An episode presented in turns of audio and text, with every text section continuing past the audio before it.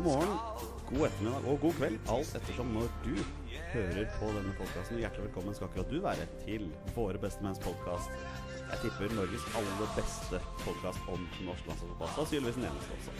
Uh, John heter jeg, og det vet dere. Og ved min side, klar til å guide oss gjennom denne meget kule episoden, er du, Petter. Du er her som vanlig. Jeg er alltid på plass. Ja, det, det er spenning i dag, altså. I dag er det litt uh, spesielt, altså. Det er det. Ja, det er det. Har du lyst til å fortelle hvorfor det er så spesielt i dag?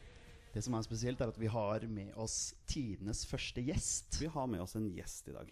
Så det, det er spennende. Har du lyst til å introdusere dagens gjest til oss? Ja, vi kan gjerne det kan jeg gjerne gjøre, og ønske Carl Petter Løken hjertelig velkommen til oss. Tusen takk for det. Du fortalte oss jo før du kom, nei, i det du kom inn her, at dette er din første podkastinnspilling. Det er helt riktig. Ja, Så du er sikkert like spent som det vi er? Ja da, for all del. Ja. Jeg er like spent som før en fotballkamp. Eh, nei, det er jeg ikke nødvendigvis. Det spørs litt på viktigheten av fotballkampen. At ja. det skal sies Men nå har jeg jo slutta å spille dem, så nå er jo dette her i og for seg en erstatning til det. Ja, sant så du har, du har lagt skoa helt på hylla? Det er ikke bedriftsfotball eller noe sånt? Eh, for å være helt ærlig skulle jeg gjerne ha spilt mer fotball enn det jeg gjør, men det begrenser seg egentlig, for jeg har veldig dårlige knær. Så det legger selvfølgelig en demper på hvor aktiv jeg kan være. Dessverre sånn er det blitt. Jeg har operert altfor mange ganger, og knærne har gått mest utover. Der er det ikke mye korsbånd igjen, så det gjør at uh, stabiliteten ikke er helt god. Og i tillegg så blir de litt hovne innimellom. Ja, jeg sliter jo sjøl med høyre kne. Vi, vi, kjenner godt til kneproblematikk. Ja, ja, det, det, gjør vi. Utallige korsbåndproblemer sjøl, så jeg, jeg, skal spørre deg noen tips når vi er ferdige her. kanskje det er meg du skal spørre. du, Karl Petter, vi har jo en haug med ting på programmet i dag. Uh, jo, dette er jo en landslagspodkast, og vi har primært tenkt å snakke med deg om din landslagskarriere. Uh, men, men er, vi kommer jo ikke unnom klubbkarrieren, så vi kommer til å komme inn på det også. Men jeg har lyst til å starte med et par uh, Vi skal gå inn på et par spørsmål som vi har fått fra noen lyttere etter hvert. Fordi vi har jo annonsert at du skal komme. vi har fått noen spørsmål. Men aller først har jeg lyst til å spørre om en ting. kunne Carl Petter Løken spilt for Sverige istedenfor Norge? For du er jo født utenfor Norges grenser. Det kunne jeg nok sannsynligvis hvis jeg hadde spilt min første landskamp da for Sverige. Så kunne jeg nok kanskje det med at jeg er født i, i, Sverige, men der bodde jeg bare et år. Så jeg husker jo relativt lite fra den perioden. Men vi bodde nå der da i en, i en kort periode. Eller vil si mammaen og pappaen min gjorde det. Og da ble jeg født i, i Karlskoga i Sverige. For, for øvrig på samme sykehus som Ralf Edstrøm. Jeg satt sammen med han i NRK-studio en gang, og så kom vi i prat, og så fant vi ut at jøss, vi er født faktisk på samme sykehus. Så du har ikke noen svenske familierelasjoner? Nei da, det har vi ikke. Nei. Jeg tror vi er veldig glad for at du har endt opp med å spille for Norge. i hvert fall Ja, absolutt ja. Hva, gjør, hva gjør Carl Petter Løken nå? Eh, jeg jobber faktisk i et oljeselskap som heter Lundin, da, som i og for seg er svenskeid. Så til, er alt overmål. Men eh, vi holder sted på Lysaker brygge. Og jeg trives veldig veldig godt der. Jeg har i og for seg jobba i oljebransjen helt siden jeg begynte å jobbe etter jeg var ferdig utdanna på Norges tekniske høgskole tilbake i 1989. Så jobba i Statoil, jobba for Aker i en periode og vært utleid til Norsk Hydro. Og så nå jobber jeg da i, i Lundin. Men du, ikke, du, har jo ikke lagt fotballkarrieren helt på hylla. For jeg vet du, alle vet jo at du også jobber som ekspertkommentator. Ja, jeg er veldig heldig som har fått lov til å følge spesielt da, toppfotballen etter at jeg la opp som, eh, som, aktiv. Det har vært et veldig fint supplement egentlig til alt det andre. For jeg er jo lidenskapelig opptatt av, av fotball som veldig mange andre. Og så er jeg så heldig da å, å få jobbe litt med det. Men du har vel også en uh, Ifølge fotball.no så har, er du jo også trener? Ja, ikke nå. Det Nei. har jeg vært litt i Ja, ja, vil si jeg er med litt og hjelper til som trener for minstemann. Mm. Men, uh, men, jeg har jo trent eh, noe brukbare lag i, i Stabekk, bl.a. i aldersbestemt, og hadde veldig stor glede av det. Og fulgte de to eldste guttene våre når de var som passe alder i forhold til det å være trener. Så, så det er òg veldig gøy for all del, men akkurat nå er jeg ikke så aktiv. Nei, Så din, din fotballinteresse nå begrenser seg på en måte til ekspertkommentatorjobben, eller? Og se ganske mange kamper. Ja, du gjør det, ja. det var det jeg tenkte. jeg tipper vel nesten sånn i snitt at eh, Nei, jeg skal ikke si hvor mye jeg ser, men det er litt for mye. ja, men det sitter, kan ikke bli for mye fotball. Nei, du sitter ved bordet med to stykker som ser ganske mye fotball her òg, altså. Bare så det er klart. Uh, Petter, vi ja. har jo fått noen spørsmål. Har, har du lyst til å gå litt inn på de spørsmålene? Du, Vi kan starte med Tore Thorseth, som uh, sier at han har observert deg på tribunen på Nordre Åsen. Uh, altså hjemmebane til Skeid. Hva har du gjort der? Godt spørsmål. Jeg tror eh, det er nok i forbindelse med enten at Stabæk har vært der og spilt med i aldersbestemt lag, eller at Raufoss har vært der. Og Raufoss var der og spilte nå, nå nylig, da vår mellomste han spiller nå for Raufoss. Han var en del av, av Stabæk sitt sitt juniorsystem en periode, men gikk da til Raufoss i, i sommer. Men dessverre så, så ble han skada før kampen mot Raufoss, han fikk ikke spilt nei, mot Skeid Mm. på, på Nordre Åsen. Så han fikk, ikke- fikk ikke spilt akkurat den kampen, men jeg var der og så likevel. Ja, ikke sant? Det er fint, for da kan vi hoppe videre til neste spørsmål fra Torstein Bjørgo, som, som spør om din sønn og hans fremtid på Raufoss og, og videre utvikling.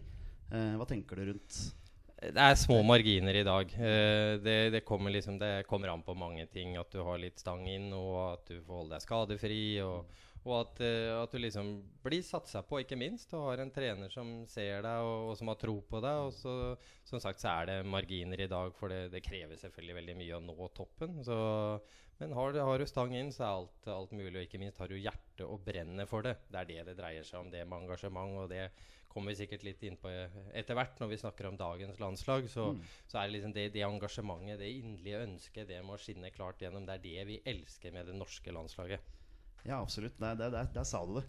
Ja, rett og slett. Eh, Rett og Men din, din sønn, altså um, Han er vel landslagsspiller? På guttenivå? Nei da, det har han ikke. Han har Nei. ikke noen landskamper. Så han har vært med og spilt for uh, Oslo sitt kretslag i, Ja. i en periode, sånn for noen år, år tilbake. Men uh, det er han ikke nå. Han er ikke noen Nei. landslagsspiller. Nei. Men tror du han har han potensial til å bli en toppspiller?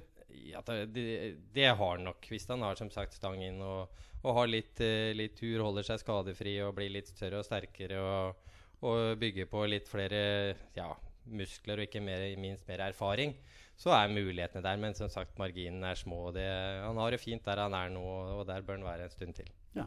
Vi har vel fått noen flere spørsmål også? Vi har fått noen eh, flere spørsmål. Gode råd der, forresten. Veldig bra. Eh, Håvard Heggen eh, spør Var du aktuell for Skeid i 1996. Det ble hvisket om at både han og Bent Skammelsrud skulle til Skeid.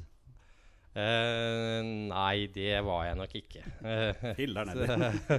Så, eh, men, men jeg signaliserte jo i og for seg på et tidspunkt at jeg kunne tenke meg å flytte på meg, faktisk. Til tross for at vi vant serien hvert eneste år og gikk inn i Mesterligaen. Det hørtes jo helt, det høres jo helt vanvittig ut, egentlig. Men, men det var noe sånn at det var veldig mange hverdager også. Og jeg hadde egentlig lyst til å prøve noe, noe annet, noe nytt. Og, og, og da fikk jeg jo noen forespørsler fra, fra noen ulike klubber, så, men, men eh, jeg tror vel egentlig ikke at Skeid var, var aktuell på det tidspunktet. Nei. Synd. eh, Jonny, du er jo Skeid-mann. Jeg er jo ganske stor Skeid-mann, ja, så det hadde vært hyggelig hvis han hadde fått litt sånn inn her, da. Men eh, det er morsomt. Jeg så deg faktisk på eh, tribunen på Nordre Åsen, den kampen med Skeid Raufoss. Det som er litt morsomt, da, det er jo samme dag jeg sendte deg forespørsel om, oh, ja, om der, ja. muligheten til å komme. så jeg så deg på tribunen og tenkte nei, han skal få svare på mail før jeg begynner å, begynner å, å, begynner å snakke til deg på tribunen. Rett og slett. Vi har vel fått et eh, noe interessant spørsmål her også. Ja, det er fra Bjørn Terje. eh, og der står det egentlig bare 'Husker han dette øyeblikket like godt som meg?' Og da har du et bilde til uh, Karl Petter Ja, som du kan Bjørn vise. Terje har lagt ut et eh, Bjørn Terje har lagt ut et bilde på Twitter-kontoen vår. Eh, og for de som hører på, da, så kan man finne det bildet der. Men jeg tenker at eh, han har sikkert en historie, så da kan du se dette bildet. Er det noen som ringer en bjelle her? Nei, det, var, nei, det blei vanskelig. Jeg, jeg kjenner igjen det der dressen der. Det, var, det må jo ha vært i Rosenborg-sammenheng. Det, det er vel ikke noe, noe tvil om. Og det, de lurte, det var jo noen som så oss og lurte på om det var et sirkus som farta rundt. Og jeg, jeg skjønner jo det nå når jeg ser eh, slipset og dressen.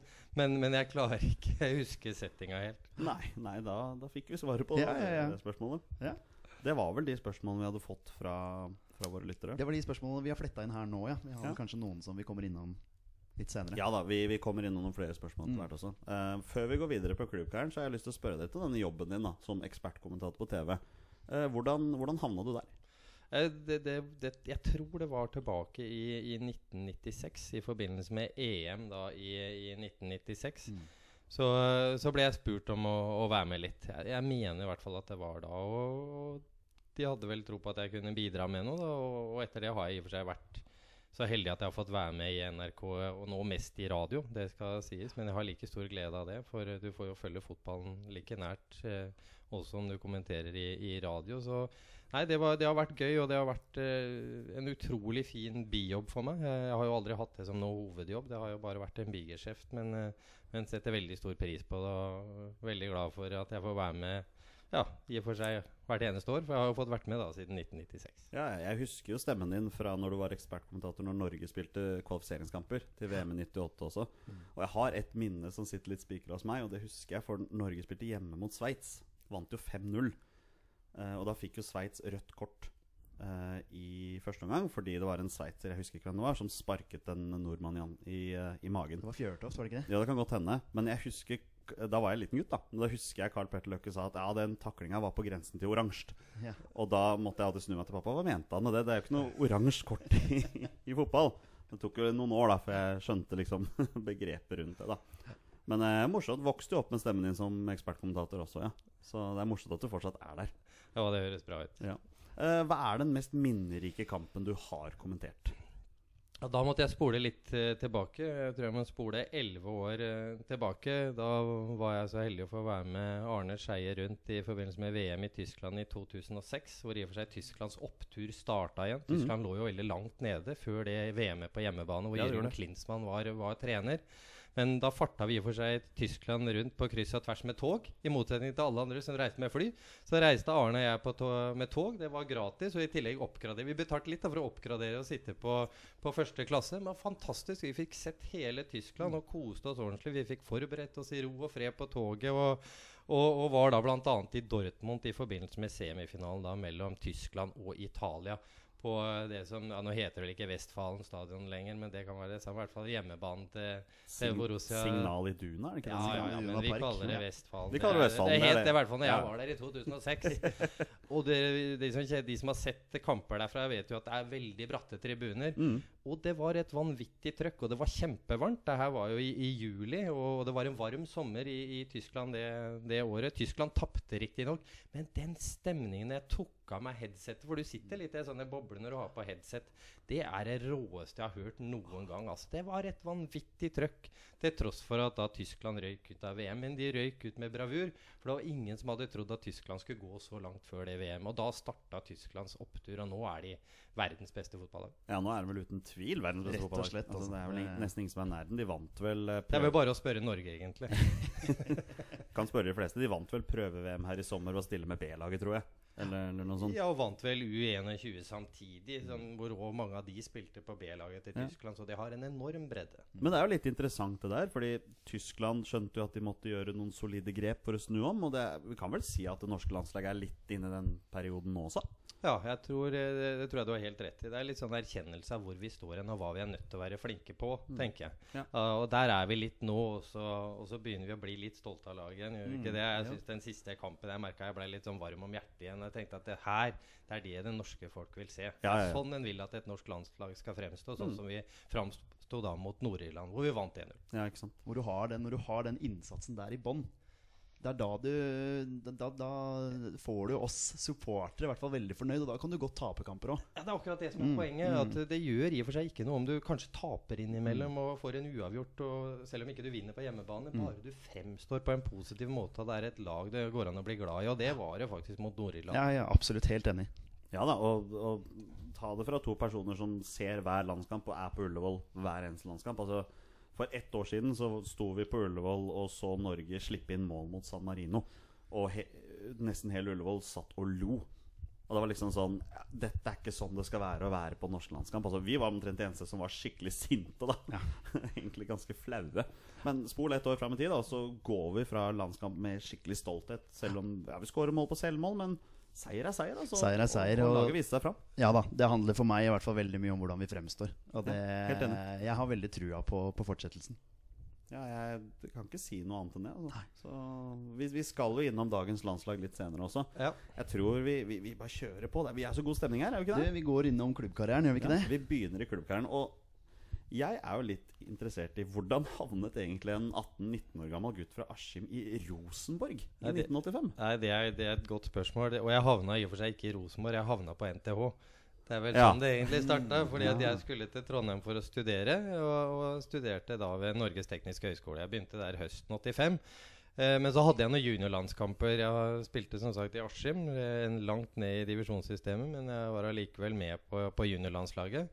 Og, og hadde i og for seg det å slå i bordet med da når jeg gikk inn og banka på kontordøra der. Jeg ringte nok sikkert i forkant, da. Men, eh, men spurte om å få være med på trening, og, og det fikk jeg lov til. Det var i og for seg veldig sjenerøst. Og, de, for de vant jo eh, serien faktisk den høsten Rosenborg. 1985 vant de.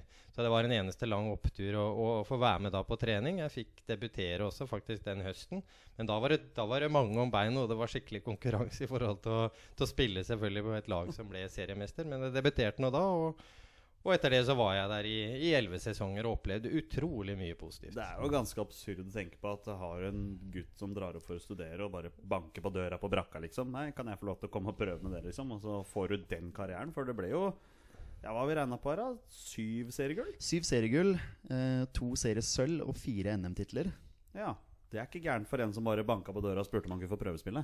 Nei, det, det, er ikke. Jeg er selvfølgelig veldig stolt av det vi, jeg var med på å få oppleve. Jeg vant jo i snitt av ett mesterskap hvert år. Eh, vi ble jo dobbeltmestere noen år, så det var jo utrolig nok noen år vi ikke vant.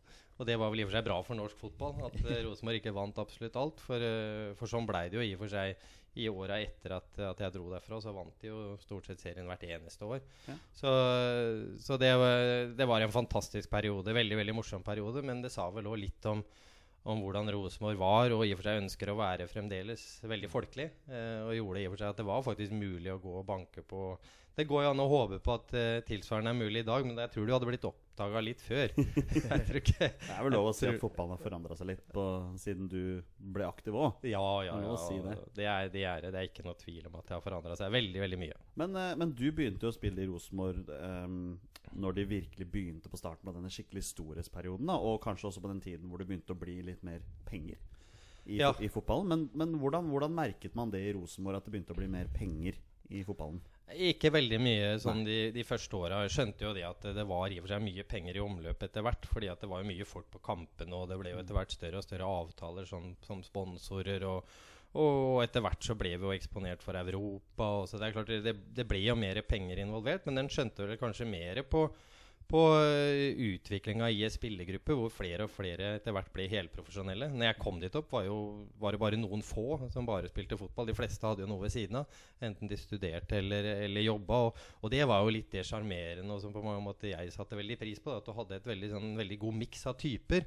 Det mister du jo litt i dag. I dag får du jo stort sett bare de som har fotballhuer og, og, ikke har drevet med så veldig mye annet. Noen heldigvis er, har litt ved siden av, men, men, den gangen var det jo en kjempemiks av folk. Om de jobba i Posten, eller jobba som snekker, eller jo, studerte på NTH, så var det jo en og samme gjeng. Så, så det ble en sånn veldig god miks av, av, spillere både i forhold til ulike innfallsvinkler, og, og, ikke minst hvilken ballast du dro med deg inn. Så, så det var òg veldig veldig fint med den perioden. Og så kom det i og for seg noen få år som jeg mener ble altfor kort i norsk fotball. Det var det gikk i og for seg fra å være amatør til non-amatør til proff på veldig veldig kort tid. For det ble veldig mye mer penger involvert. Og jeg synes jo, har jo veldig sansen for den non-amatørtiden ja, på en eller annen måte, hvor du har et eller annet ved siden av, hvor du kjøpes fri til å drive fotball.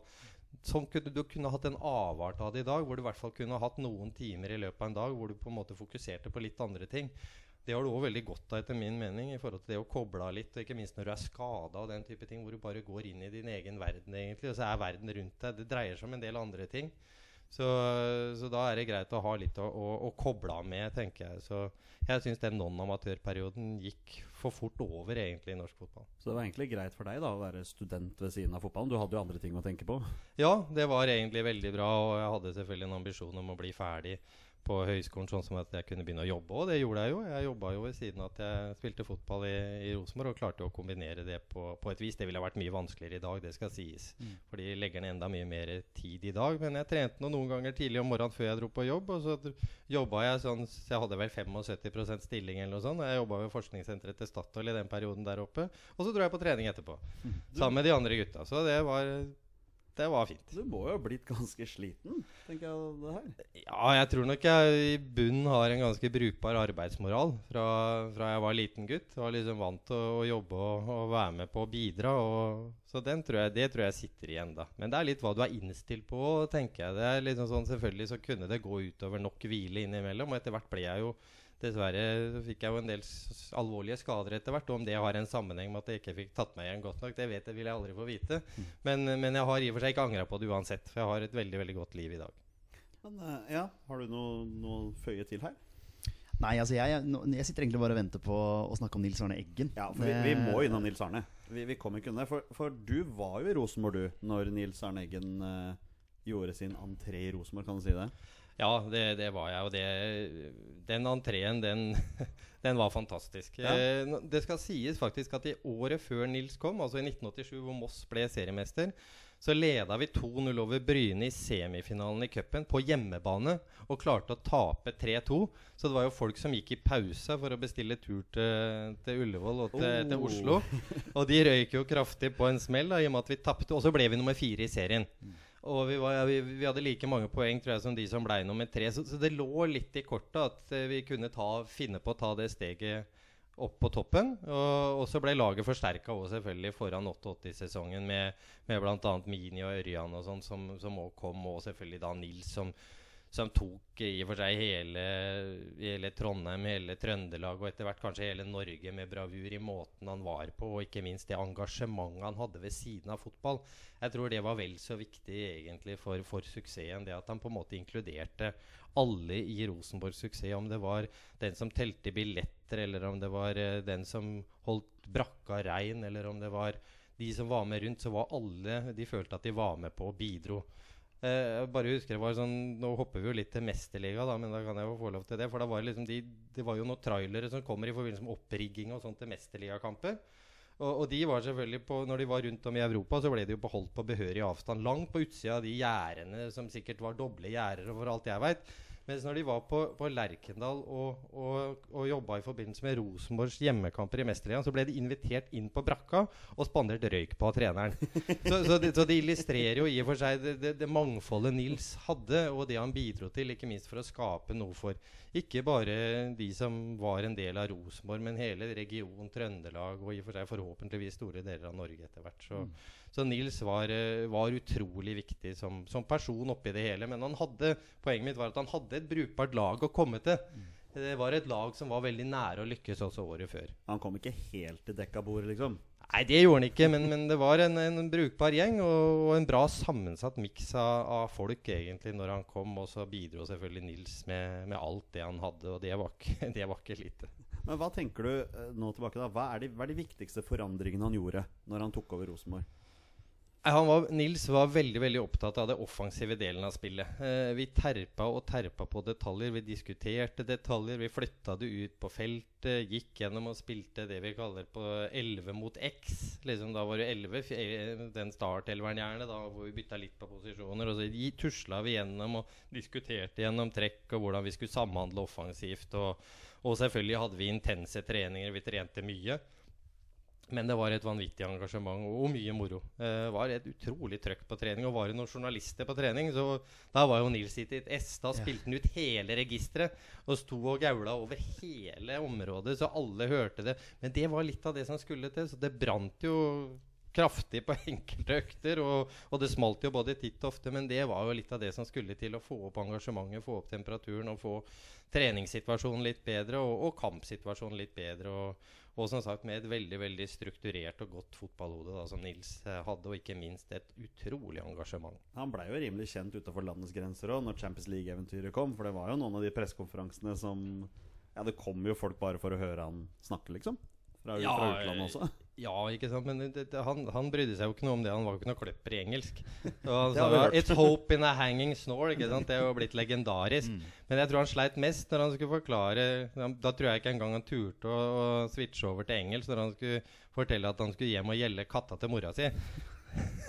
Det kom òg i forbindelse med en sånn pressekonferanse. Så han hadde, han, men han hadde alt. ikke sant? Så, så hvis du kan si at det er egentlig veldig få som er uerstattelige, sånn er det dessverre. Det, det tror jeg en erkjenner gjennom livet. At det er, det er ikke så veldig mange du ikke kan erstatte, men akkurat i den posisjonen og den rollen og, og den, de personlige egenskapene som Nils hadde, det, det tror jeg faktisk det er ikke mulig å erstatte. Nei, det er jo lov å si. Det er lov å si, men føler du Rosenborg er, er der de skal være nå? Hvis du skjønner hva jeg mener? Altså, er de, er de der de bør være? Nei, eh, det er de ikke. Nei. for å være helt ærlig så, så syns jeg ikke det enda. De er på vei, eh, og det tror jeg vel alle ser. Jeg syns det er liksom grunn til å se at de, de begynner å få litt struktur igjen på det offensive. Jeg er eh, ikke sikker på at det holder defensivt enda. Jeg syns det er- mangler en del på den defensive strukturen. Akkurat som jeg syns det norske landslaget òg sliter litt med. Eh, det defensive strukturen og lettvinte mål imot og sånn, det, eh, det er liksom blitt normen, dessverre, i norsk fotball. Vi er ikke kyniske nok, vi er ikke tøffe nok, vi er ikke gode nok der hvor fotballkamper avgjøres. Og det er i begge 16-meterne. Der har vi litt å gå på. Vi, vi har jo vært inne på det tidligere i forhold til at vi synes også landslaget slipper inn veldig lette mål. Og greit nok, tape 6-0 mot Tyskland. Tyskland er gode, men noen av de måla burde jo vært unngått. Jeg, jeg mener at det var helt håpløst mot Ja. Tyskland. Du, du, vi, vi blir jo utspilt når vi har hele laget etablert langt Mm. inne på egen Mm. halvdel. Vi blir Mm. stående og se på og lar de spille rundt oss. Jeg er helt enig, Tyskland er fantastiske. Skal ikke ta ifra dem det. Så vi, at vi taper mot Tyskland, det er greit. Men ikke den måten vi tapte på mot, eh, mot Tyskland nå sist. Det var, det var flaut, rett og slett. Og du må jo ta de duellene. Det er jo voksne Mm. mannfolk. Det, det koster litt blod, svette og tårer, det. Og det gjør litt vondt innimellom, men, men sånn er det. Det er en del av toppfotballen i dag. Det er mye fysikk. Jeg må bare spørre da Hadde landslaget på 90-tallet under Drillo sluppet inn så mange mål? Nei, det tror jeg ikke. Eh, det er klart fotballen har utvikla seg. Det, det tror jeg alle ser. Det går mye mye fortere i dag. Men, men jeg tror liksom den strukturen og den troen på at det her er mulig, som Egil fikk til på relativt kort tid, det, det hadde holdt oss i dag. Så hadde du typer òg, da. Som ville ha klart seg bra i dag. Også Rune Bratseth ville ha klart seg fint i, som midtstopper i dag, for all del hadde han hatt det. Det, det, det er jeg rimelig sikker på. Mm. Jeg ser jo at tida, tida går fra seg. Vi, vi er jo godt i gang. Vi har ikke kommet inn på landslaget ennå, men vi, vi har noen spørsmål til på klubbkarrieren her vi må innom. altså Ja, vi må jo snakke litt om eh, toppskårertittel, Ja, kanskje. Hvordan ble Carl Petter Løken toppskårer i Tippeligaen i Var det 91? 91, ja. Nei, det var 91. Nei, det var vel fordi at det var, noen andre, det var en del andre som ikke klarte å skåre nok mål. Det, det er vel kortversjon. Så jeg skåra vel ikke så veldig mange, men, men jeg skåra liksom jevnt med mål eh, i flere sesonger. Jeg husker jeg kveld så skåra jeg faktisk flere mål i 89. Eh, da ble jeg ikke toppscorer. Da skåra jeg vel 13 eller noe sånt. Ja. Så jeg skåra liksom jevnt med mål. Det gjorde vi i og for seg begge, vi som var vinger. Vi spilte med vinger den gangen. Vet du. Så vi, vi fikk jo lov til å stoppe ved midten, ved midtstreken. Da, der fikk vi stoppe, så vi hadde overskudd når, når, når kontringene kom. Uh, og når vi skulle i angrep, så Mini og jeg da, hvis du tar, Vi spilte vel kanskje oftest, i hvert fall i den perioden, på hver vår kant.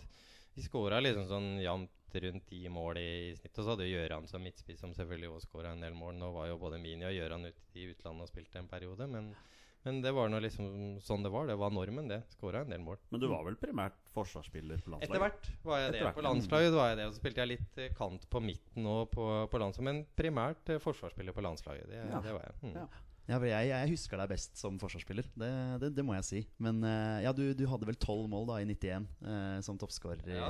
i Tippeligaen. Ja, det er riktig. Jeg skal vel litt over Jeg tror jeg har litt over 100 obligatoriske mål for Rosenborg.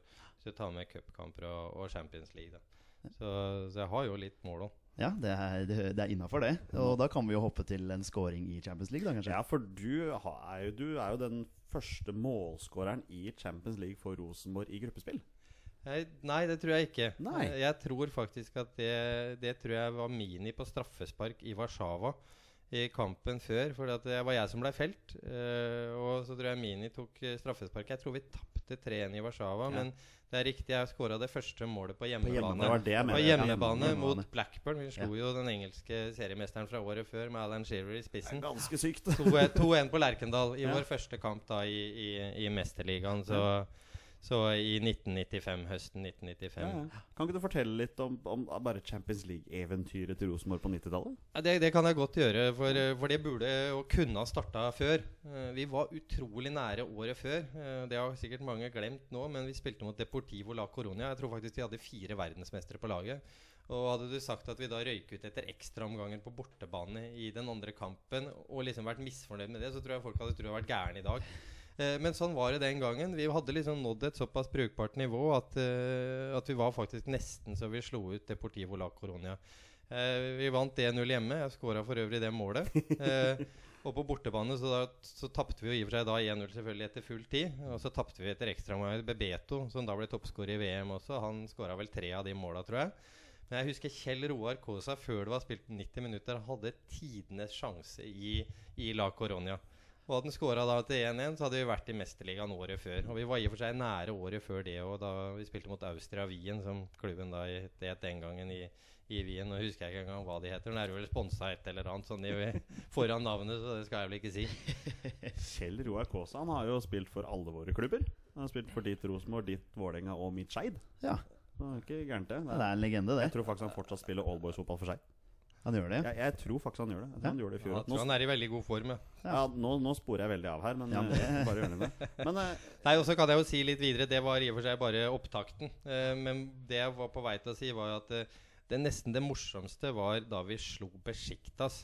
Eh, for det var de vi spilte i kvalifisering mot da høsten 95, før vi gikk inn i Mesterligaen da og møtte da Legia Warszawa borte og, og Blackburn hjemme og, og Spartak Moskva. Det kommer jeg over til å si litt rundt. Men, men Besjiktas-kampen Vi vant jo 3-0 hjemme. Og, men vi skjønte jo det at de mente at de hadde muligheter til å slå oss likevel på bortebane.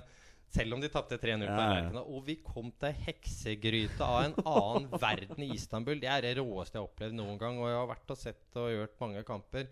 Men den eh, returkampen i, i Istanbul var helt vanvittig. Altså. Jeg tror jeg sto ved siden av liksom, da Uefa hadde noen delegater der som snakka med ledelsen i, i Besjiktas før kampen. Det var dagen før. Da var vi ute på befaring og kikka litt på matta og sånn.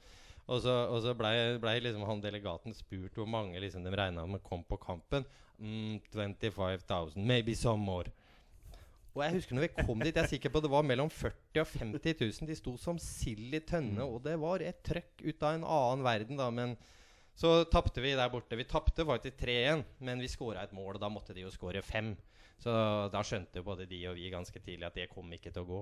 Så den opplevelsen der, og den feiringa etterpå, den husker jeg. Jeg tror ikke jeg hadde ett sekund på øyet før vi dro hjem. Så det var eh, fantastisk feiring i Istanbul, som er en flott by også, selvfølgelig, når vi slo ut av Besjiktas det første året. Og da kom dere dere til gruppespill.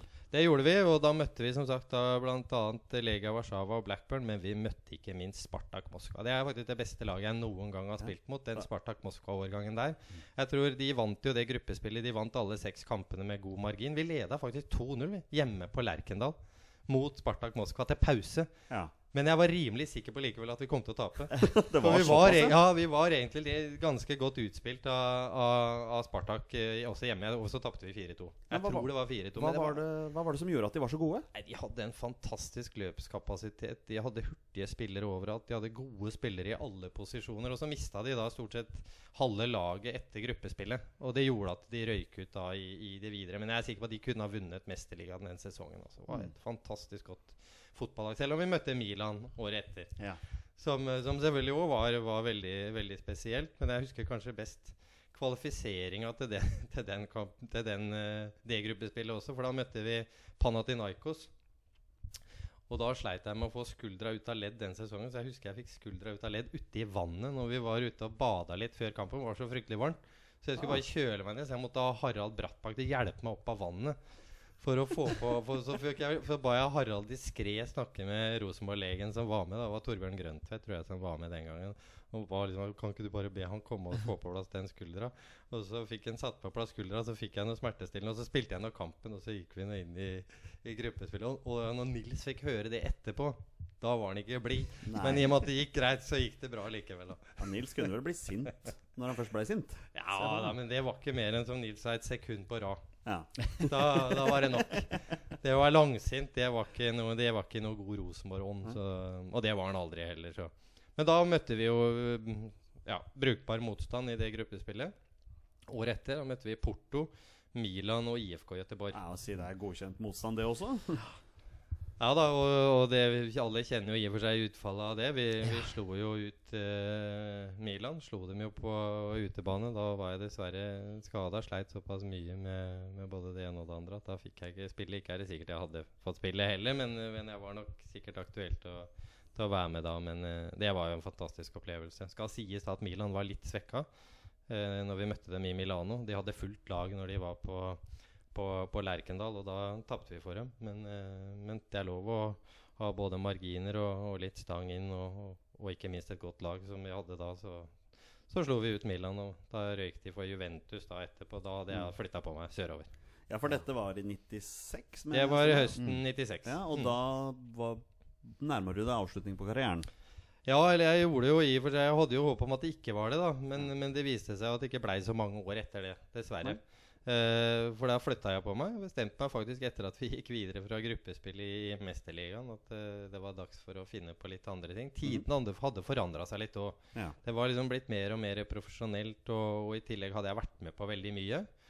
Og hadde også kanskje en liten ambisjon i forbindelse med jobben i forhold til det å flytte litt på meg òg. Og så tenkte jeg da var tida, tida moden for å gjøre litt eh, Gjøre noe annet. Så da flytta vi sørover. Og da ble det Stabæk. Det blei det, og det var jo Det blei veldig ålreit.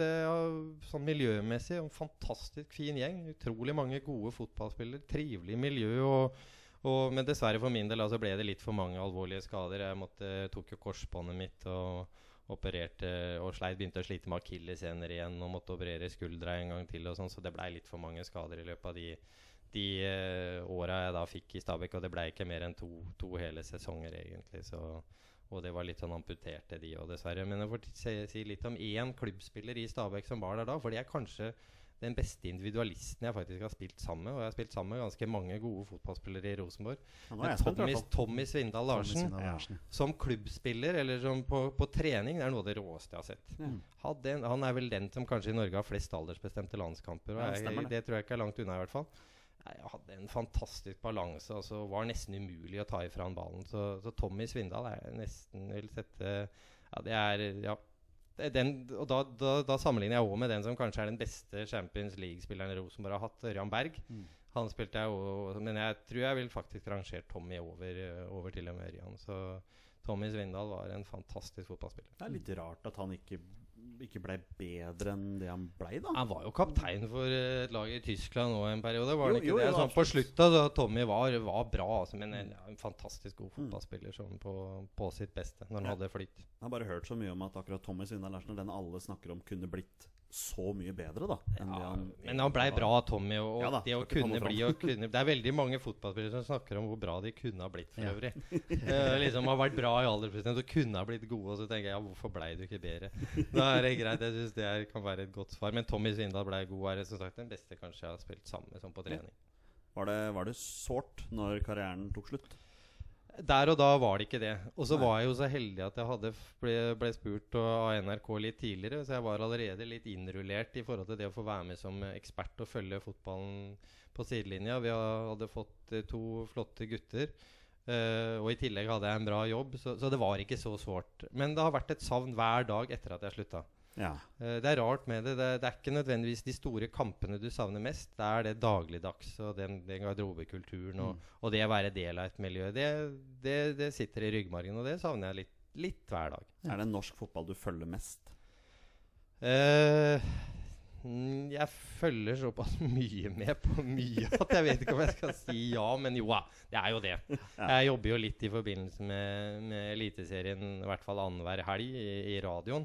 Så ser jeg veldig mange kamper i Eliteserien. Men jeg ser veldig mye engelsk fotball, og, og, jeg gledes over å se de beste spanske lagene når jeg kan det, og, og ikke minst Bayern når de er, er på mm. sitt beste. Jeg ser, ser ganske mye. Du, og Mesterliga.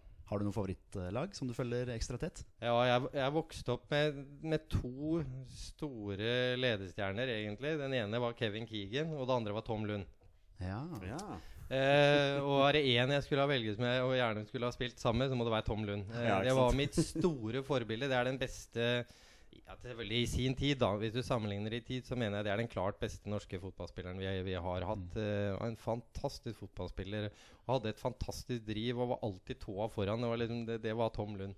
Så han var veldig god. Men så var Keegan Da var han i Liverpool i den perioden mm. som jeg fulgte veldig med. Så da er det blitt Liverpool. Og eh, det var en periode hvor den Liverpool-interessen var litt dalende. For vi spilte jo mot dem stort sett når de var i Oslo i forbindelse med Norway Cup. Så spilte ja, vi mot dem med Rosenborg, og så slo vi dem stort sett hver gang. så da blei det litt sånn spesielt. Eh, vi slo dem til og med i en treningskamp borte på, på Anfield Road. Og det likte de ikke. Det å tape hjemme der, da ble det litt sånn småstygt og ampert på slutt.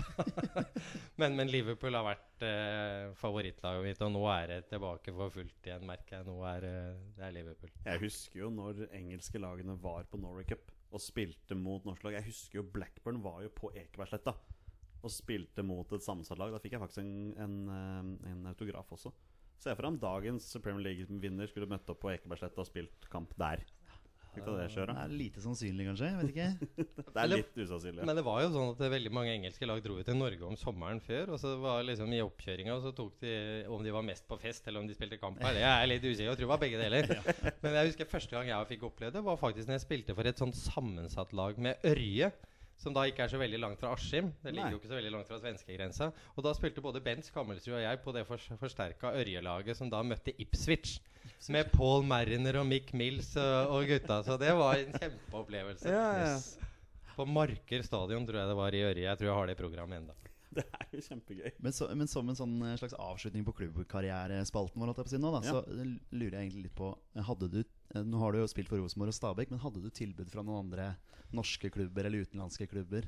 Ja da, det, det hadde jeg. Jeg har hatt det opp igjennom. Men jeg hadde, så lenge jeg var i Rosenborg, så var det liksom ikke så veldig mange andre norske klubber Nei. som var aktuelle. Men det var noen innimellom som, som var på banen, og som jeg hadde muligheten til å, til å spille for. Jeg hadde òg muligheten til å dra til utlandet, spesielt på slutten eller rundt 1990.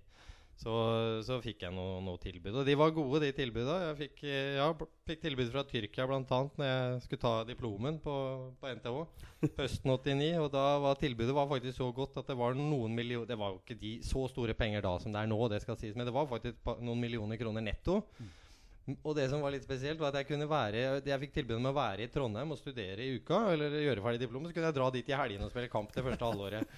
Så det var, grei, det var en grei ordning, egentlig. Og med hus og alt ordna, med hushjelp og alt. Så det skulle være greit. Men Ja. eh, nei da, men jeg takka nei. Jeg ville Jeg trivdes godt der jeg var. Ja? Hvilken klubb var dette? Kan vi spørre om det, eller? Ja, det var i og for seg uh, Besjiktas. Det var Besjiktas, Ja. det var det den gangen. Så det var en av de store klubbene i, i Istanbul, som selvfølgelig var store den gangen. Mm, mm, absolutt. Man hører jo mye om dette trøkket som var i Tyrkia. Det er vel fortsatt det for så vidt nå, men det var noe ganske ekstremt på 90-tallet. Ja, og det var jo flere nordmenn også som havna der. Ronny Ja. Johnsen havna blant Ja, annet i Besjikta, så var jo veldig god der. Og det var vel i og for seg springbrettet hans videre til en enda ørlite grann større klubb. Større klubb, ja. Nei, dette har vært, dette har vært gøy. Altså. Vi, er, vi er godt i gang her, men jeg tror nå må vi Ja, Vi er 40 minutter inne i en podkast som primært skal handle om landslagsfotball, så jeg tror kanskje vi skal begynne å snakke litt om landslagsfotball. Det er goal! Har dere sett maken? Gøran Sørloth skårer for Norge! 12 minutter før fulltid! En fantastisk skåring! For eh, kjære Karl Petter, du, du har jo noen landskamper uh, i ermet også, men jeg har funnet en interessant En interessant liten greie som jeg har tenkt å spørre deg om. Sånn Se om du klarer denne her.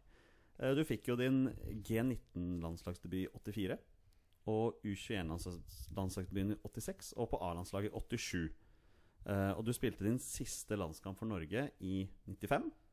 Og du skårte uh, ditt eneste landslagsmål. Det var mot Østerrike, og det var i Var det i 89? Det tror jeg var i 89. Ja. Mm. Kan du navnet på den ene spilleren som spilte alle disse kampene fra start? Og som ikke er Carl Petter Løken. Oi, oi, oi. Som da spilte se. fra start for G19, U21 og A-landslaget. 87 og siste i 95. Eh, eh, Jan Åge Fjørtoft kan være én, for han spilte jo på det juniorlandslaget. Erland Johnsen kunne det ha vært. Ja, jeg tipper Jan Åge. Jan Åge startet fire av dem og kom inn som innbytter i den siste, men Erland Johnsen startet alle de. Så der var du god, altså. Det er, det. det, det, den er imponerende, det traff altså. godt, altså. Og så må det jo sies da at grunnen til at jeg, det med Erland er jo litt morsomt. da For Erland spilte jeg mot fra jeg var veldig liten gutt. Jeg spilte alder, De fleste aldersbestemte kampene mine spilte jeg i Sarpsborg. Ja. Og han spilte midtstopper i Moss. Eh, Og Erland var et hue høyere enn meg og hadde hår på brystet når jeg var bare 1,30. så, så det var skikkelig tøffe dueller, men vi er gode kamerater i dag. Og det var vi den gangen òg, for øvrig. For da spilte vi sammen også på kretslaget, og, og Ja. sammen da i, på, eh, på, på landslaget. Så Erland er en herlig type som har hatt mange fighter med opp igjennom. Og han er vel landslagstrener akkurat nå? Ja da, Ikke er- 15, tror jeg. Ja, trener aldersbestemte landslag. Ja, ja. Jeg traff han faktisk på, på Ullevål her i forbindelse med landskampen mot Nord-Irland. Det er jo litt morsomt å se alle disse profilene fra 90-tallet som fortsatt jobber i fotball. Ikke nødvendigvis som trener, men gjerne i media og sånne ting. De, er der, på en måte. Det er ikke mange av de som liksom på en måte fader vekk, da. Nei, men Jeg tror det kan ha en sammenheng med at vi, var, vi hadde trenere som var akademisk anlagt, og som var lidenskapelig opptatt av fotball som spill. Og, og det var sikkert veldig mange av oss også. Vi fikk en veldig god skolering på, på veien som gjorde at vi fikk et brennende en brennende interesse og et glødende engasjement for, for fotball. Og det er jo bare sånn man, man tar det med seg, egentlig. Har du, noe, har du noen spørsmål du vil komme med her, eller? Peder? Nei, altså du Vi snakka Vi kom innom eh, eh, eneste landslagsmålet eh, mot Østerrike. Ja, det var mot Østerrike. Husker du skåringa, eller? Eh, jeg, jeg tror faktisk jeg var involvert i alle fire måla. Eh, Ah. Jeg husker ikke skåringa sånn voldsomt godt. Det, det skal, så ærlig skal jeg være, selv om jeg helt klart burde ha svart noe helt annet. men uh, I og med at det er det eneste målet jeg har. Men, uh, men det var, var jeg, det var en kamp jeg var veldig bra i. Det husker jeg. Det var en kamp jeg hadde skikkelig flyt. Jeg tror faktisk jeg ødela ribbeinet mitt i den kampen òg, men det var helt underordna. Mm. For eh, det er ikke det jeg husker fra det. Så da, da fikk jeg ganske mange forespørsler etter den kampen. I forhold til hva jeg tenkte videre, om jeg ville til utlandet og alt dette her. Men, men det hadde jeg ikke noen sånne voldsomme ambisjoner i, i forhold til egentlig. Så, men en morsom kamp var det. Og, og en av, av høydepunktene selvfølgelig i, i karrieren, selv om det var en treningskamp. Det var andre kamper som var enda morsommere, bl.a. fikk gull, gullklokka. Det kommer du kanskje inn på. Ja, vi skal nok innom det også. Men det er litt morsomt, for jeg har jo statistikken fra den Norge-Østerrike-kampen her nå. Og vi har jo snakket tidligere om at vi syns det er litt for få folk på Ullevål i disse dager. I denne privatkampen på Ullevål så kom det 3400 tilskuere. Ja. Så det var, det var ikke fullt på Ullevål når du spilte der. Nei da, nei, det var en treningskamp. Jeg, jeg, jeg mener å huske på at det, Jeg husker ikke om det var da vi møtte Brasil òg, den sommeren der. Da tror jeg det var fullt. Ja, det tror jeg nok. Eh, da ble det 1-1 eh, mot Brasil. Jeg, la det målgi- jeg hadde målgivende, faktisk. Og det var Jan Åge som scora, så jeg husker. Jeg lurer på om det òg var i 89. Men ja da, nei, det var ikke noe sånn enorm interesse rundt, eh, rundt landslaget da. Det tok ikke av før, eh, før eh, et par år, eller et år til to senere, egentlig. Når- Da tok det Drillo- skikkelig. når Når Drillo Drillo kom inn. ja. Ja. Jeg kunne jo spurt deg nå om du husker startelveren fra kampen når du skårte mot Østerrike, men det har kanskje vært litt slem. Nei, det, hadde jeg, det har jeg ikke sjans til. Men jeg kan jo gå gjennom noen av navnene her, da. Det er, vi hadde, jeg hadde jo Ola Byris i mål. Ja. Og Gunnar Halle, Erland Johnsen, Terje Koiedal, som var kaptein, og Stig Inge Bjørneby.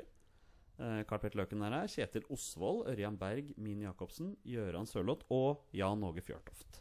Der har du startet. Der er det mange profiler i norsk fotball. ja da, det var mange gode fotballspillere der. Så må vi ikke glemme at på benken sitter jo Simen Agdestein.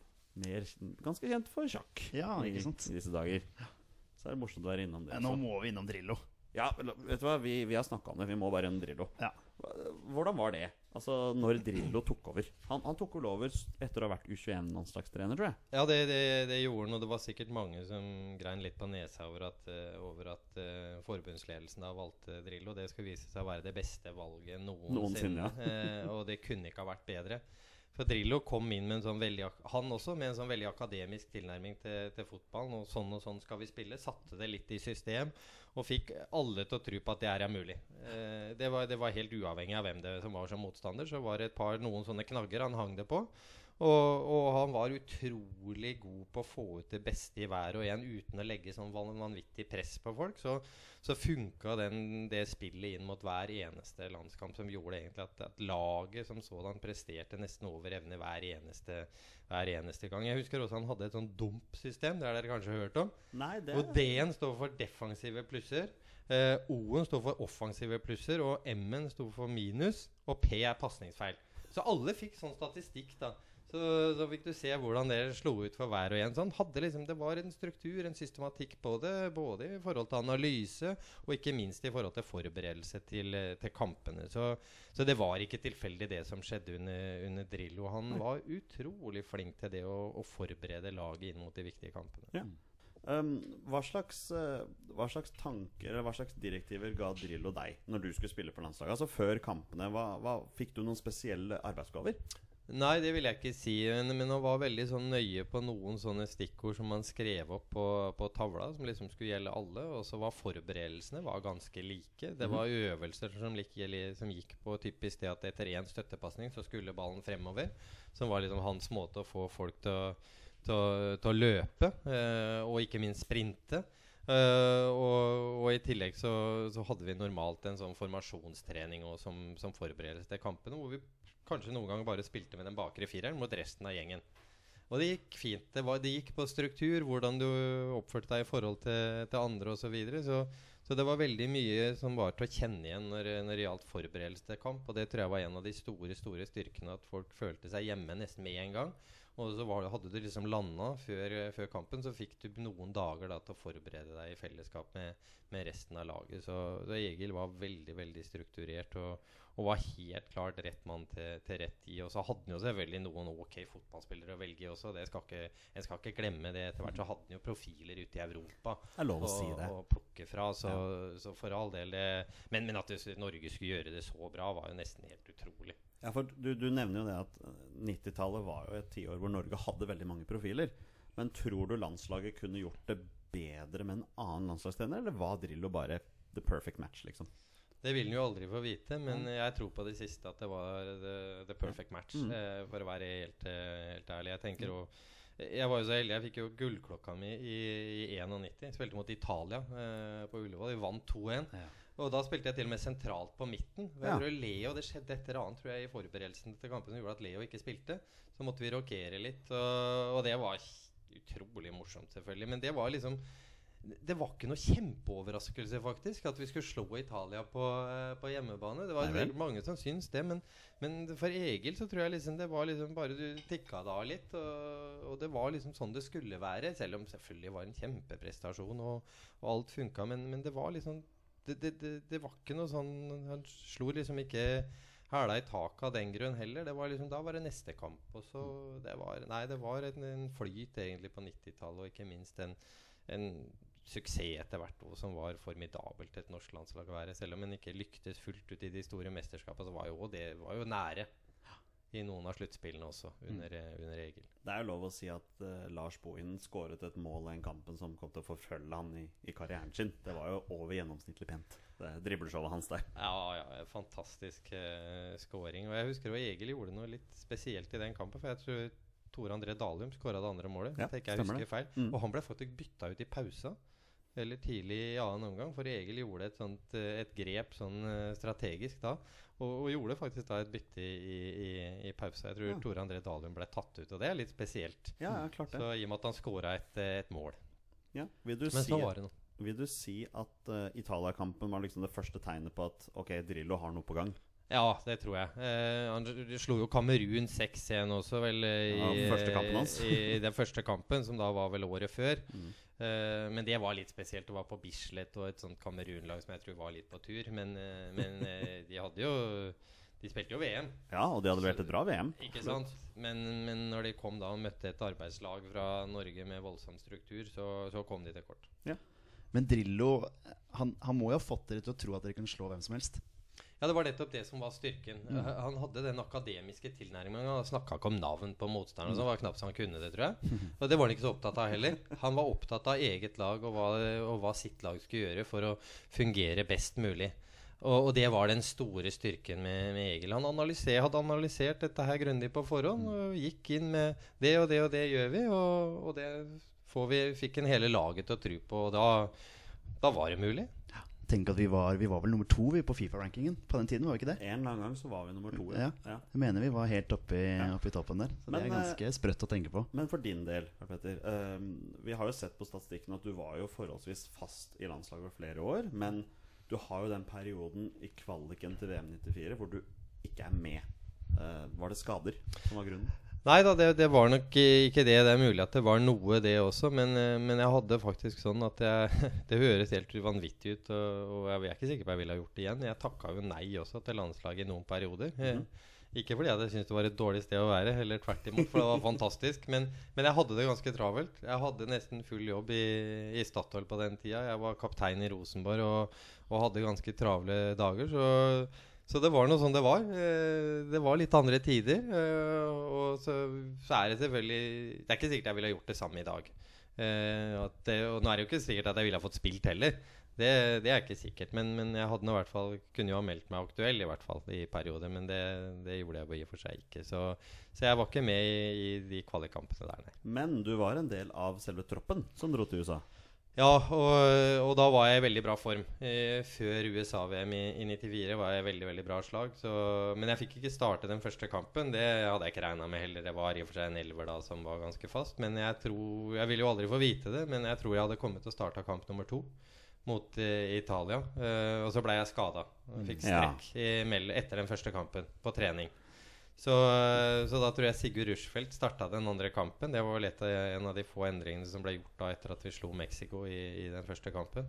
Så jeg vil aldri få vite om det var jeg som hadde fått starta der, men, men jeg tror jeg var aktuell, i hvert fall. Er det noe du er bitter for sånn å tenke tilbake på? Ja, det syns jeg er litt der? kjedelig. Eh, det å få, få spille en VM-kamp eller Ja, VM-kamp eller to, det hadde vært fantastisk. Mm.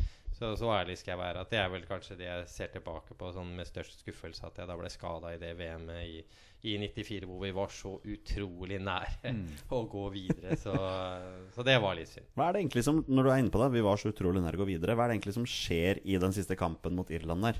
Altså, Man følte jo ikke at Norge presset på voldsomt for å få det målet som skulle Nei, det man videre, husker jeg vel nesten ikke engang. Jeg bare, jeg bare husker den spenninga og, hvor nære det var. Og, og, nei, det var, nei, det var veldig, veldig spesielt. Og det ble jo vel tidenes jevneste VM-gruppe, tror jeg, noen gang. Og, og synd selvfølgelig at vi, at vi røyk ut som vi, vi gjorde. Men de marginene hadde, hadde vi vel i og for seg ikke med oss da i, i sluttspillet. Så kan du jo si at kanskje la, landslaget hadde marginene med seg sånn i enkelte andre kamper. da Så, så det går normalt litt opp i opp. Men det ble jo litt stang ut da i, i VM i 94. Hvordan var, hvordan var oppladninga til mesterskapet når dere først var kvalifisert? Altså Vi har alle hørt historien om disse treningene med sorte søppelsekker på for at man skulle venne seg til varmen, annet. Nei, Jeg vet ikke hvor mye jeg skal si om det. Men, eh, men i forhold til evaluering i etterkant, så føler jeg vel at eh, Jeg tror ikke den hadde blitt veldig positiv i forhold til de søppelsekkene. Det hadde helt sikkert sin idé. Men jeg husker det var jo så varmt òg. Den sommeren der var det veldig varmt. Vi, la, vi, vi lada opp litt borti Sverige, husker jeg. Og, og der òg var det varmt. Jeg husker det kokte sånn oppi kålen i forkant. Jeg trodde jeg skulle stryke med. Også, og i USA før VM tok til også, når vi forberedte oss borte på um, Princeton University, tror jeg vi var inne på området der og, og, og trente. Da var det vel 3-34 grader og ganske fuktig. Og vi trente med disse her søppelsekkene. vet du Og jeg, jeg, jeg husker jeg hadde jo så høy puls, og det var så varmt oppi topplokket at jeg holdt på å stryke med. Ja. Så det, de søppelsekkene de tror jeg vi kunne ha vært foruten. og kasta dem i søpla, for å si det sånn. Ja, Kanskje vært det greieste. Um, følte dere noe press fra Norge over deltakelsen i VM? Altså Kjente dere liksom på det fra omgivelsene? Ja, det, det, er litt, det er jo veldig annerledes med et VM enn en vanlig landskamp. For, eh, et VM forbereder du til ganske lenge i forhold. Så, så vi følte nok de forventningene og det litt sterkere før, før sluttspillet tok til, i og med at forberedelsesfasen blir mye, mye lenger.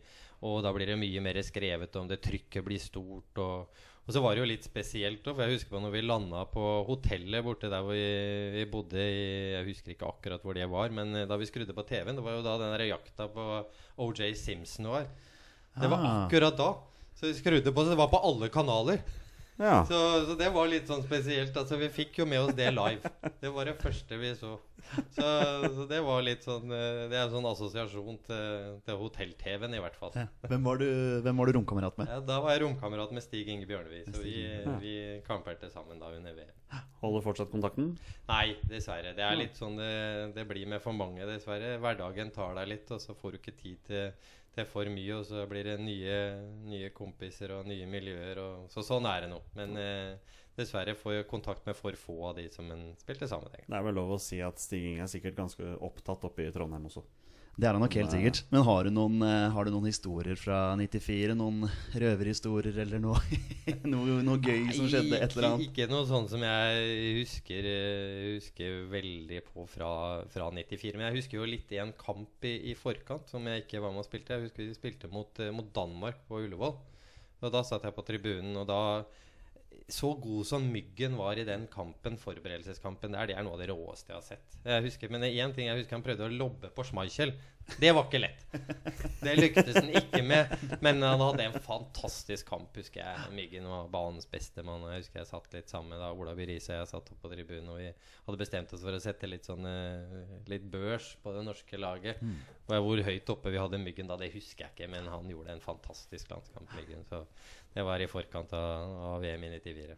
Ja, Myggen. For en spiller. Det er litt av en profil å egentlig ha på landslaget òg. Han, Ja. var jo- han var jo noe for seg sjøl, han godeste Mykland. Ja, han var noe for seg sjøl, og det er nesten utrolig å tenke på at en spiller med ja, i hvert fall begrensa fysikk da mm. kunne klar, klarte seg så godt som han gjorde. Han hadde jo et fotballhode av en annen verden. Lå jo alltid to-tre trekk i forkant Myggen av det alle andre gjorde. Så nei, han var god. Har du noen eh, Altså, er, sitter du igjen med, med, med bare gode minner fra USA-VM, eller er, det- er det litt sånn Er det veldig bittert over at man ikke gikk videre? Nei, Min bitterhet er nok mer knytta til at jeg ble skada. Ja.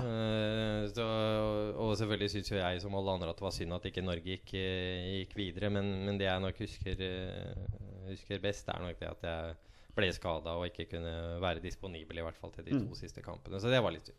Og du var jo, du var jo med i EM-kvalifiseringen til eh, 1996.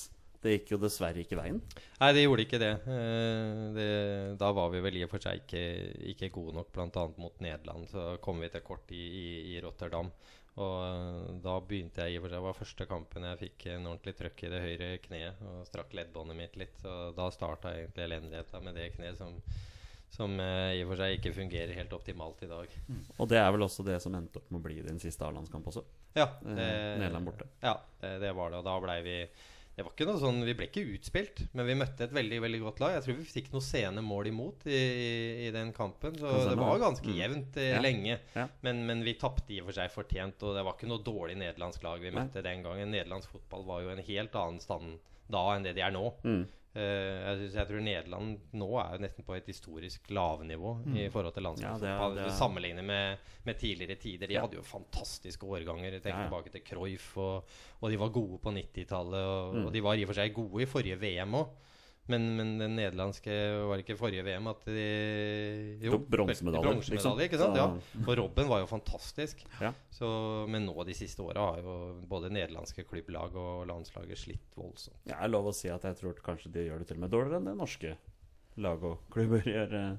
Ja, Rosenborg slo jo ut Ajax. Så det er De gjorde jo det, Ja, de har vel bare ett lag videre i Europacupen, Nederland, så vidt Ja. jeg husker. Ja, men- og nei, det, de de tror jeg tapte ganske kraftig, i hvert fall mm. forrige kamp. Så, så nei da, det nederlandsk fotball eh, er langt nede for øyeblikket. Men uh, vi var jo innom uh, kvaliken til EM96, og jeg husker jo jeg var jo på tribunen når Norge spilte 1-1 mot Tsjekkia. Jeg tror det var den siste hjemmekampen. Og det var jo snakk om hadde vi vunnet den kampen, så kunne vi jo faktisk vært i, i, i, i EM, da. Men da endte vi opp med at det endte uavgjort der, og da skulle vi jo spille mot både Nederland og Tsjekkia borte.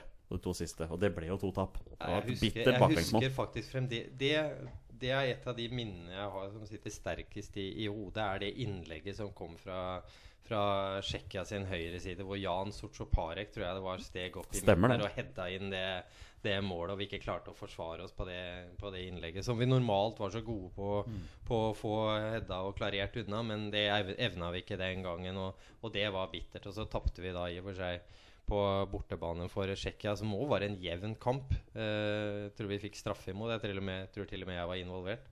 Han sprang på, sprang på meg bakfra der, tror jeg han eh, spiste. Jeg lurer på om det var Pavel Kokan, kan jeg hete. Ja, stemmer nok det. Husker, jeg husker helt feil, men, eh, men da fikk vi straffe imot, blant annet. Og, og så tapte vi da, som sagt, i Nederland også. Så nei, det var veldig nære hjemme mot Tsjekkia. Det er helt riktig. Man skal si sies at Tsjekkia gikk jo hele veien til finalen i EM96 òg, så det var nok ikke noe dårlig lag, det der, nei. Nei. Hadde, var, hadde en veldig god årgang den gangen. Pavel Poborski var vel med, og det ja, var mange gode. Så Tsjekkia var, var gode på den tida. Ja, ja, ja. Vi skal snart hoppe over på Vi må jo snakke litt om dagens landslag også. Men er det noen ting du har lyst til å nevne fra din landslagskarriere nå, før vi hopper videre? Unnskyld, vi har faktisk et spørsmål fra en, eh, fra en lytter om. Jeg kan begynne med deg, da. Har du noen ting du har Nei, lyst til å ikke noe sånn som jeg har uh, føler at vi har forbigått. Eh, det var som sagt en, en veldig, veldig, veldig bra periode. Uh, å tenke på hvor fort landslaget tok steg i, de alle, i forhold til de aller beste. Når jeg eh, begynte på landslaget, så var det, liksom, så var det mange trenere. Det var ganske stor turnover. Tor Grip var inne der, Ingvar Stadveim var inne der. Og, men de fikk liksom aldri tid til å sette sitt preg på, på laget før da Egil kom, og du fikk en helt annen struktur på det. Og etter hvert så hadde du flere profiler å plukke, plukke fra også. Det hadde jo selvfølgelig en sammenheng med at norsk klubbfotball hevda seg bedre. Rosenborg og i særdeleshet. Og, og, og i tillegg da at landslaget gjorde det bra. Mm, ja. Vi kan ta det spørsmålet nå. Eh, vi fikk et lytterspørsmål fra Stian Olsen. Lurer på hva er ditt beste minne fra landslaget? Hvis du skal velge ett minne. Nei, det må være gullklokkekampen mot Italia. Ja. Eh, det, er, det er nesten udiskutabelt, vil jeg påstå. Hjemme på Ullevål da når vi vant 2-1. I tillegg fikk gull, gullklokka etterpå. Det var rimelig god stemning på parketten, for å si det sånn. Så, så det, det, det, den, den hadde jeg gjerne tatt om igjen. Var det noen tradisjon for å holde noen tale når man fikk gullklokka? Vet du hva, Det husker jeg faktisk ikke. Men det var når du debuterte, så måtte du liksom holde tale. Ja. Og jeg tror kanskje den mest legendariske talen som har blitt holdt, som, i hvert fall som jeg kan huske, den tror jeg Ståle, Solbak Ståle Solbakken sto for. ja vel? Eh, det mener jeg var borte mot Wales eh, i en privatlandskamp. Eh, jeg tror faktisk vi vant 3 3-1, ja. Stemmer det. 3-1. Trener. Eh, da tror jeg Ståle Solbakken debuterte, hvis ikke jeg tar helt feil. Og han, og han poengterte at det var på tide med debut, for han hadde allerede begynt å bli tynn i året.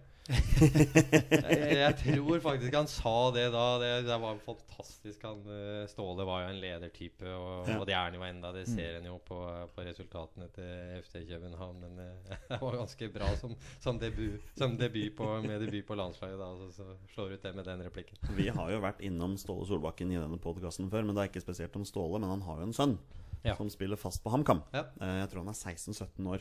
Eh, Meget stort talent. Og han har i hvert fall hårmanken. Det skal sies, så han har ikke arva den fra sin Nei, far. Da, men vi ikke får- enda, vi får se når han blir eldre. Ja, vi får følge med. Eh, Rett og slett. Nei, men vet du hva? Skal vi snakke litt om dagens landslag? Ja, la oss gjøre det. Da gjør vi det. Roger Nilsen. Kjempeskåring! Etter 55 sekunder. Roger Nilsen. Eh, Hvor godt følger Carl Karl Petter Løken med på dagens landslag? Og jeg følger med mye. Ja. Det er ikke noe tvil om. Og han som eh, faktisk er assistenttreneren på landslaget, var jo forloveren min jeg gifta meg.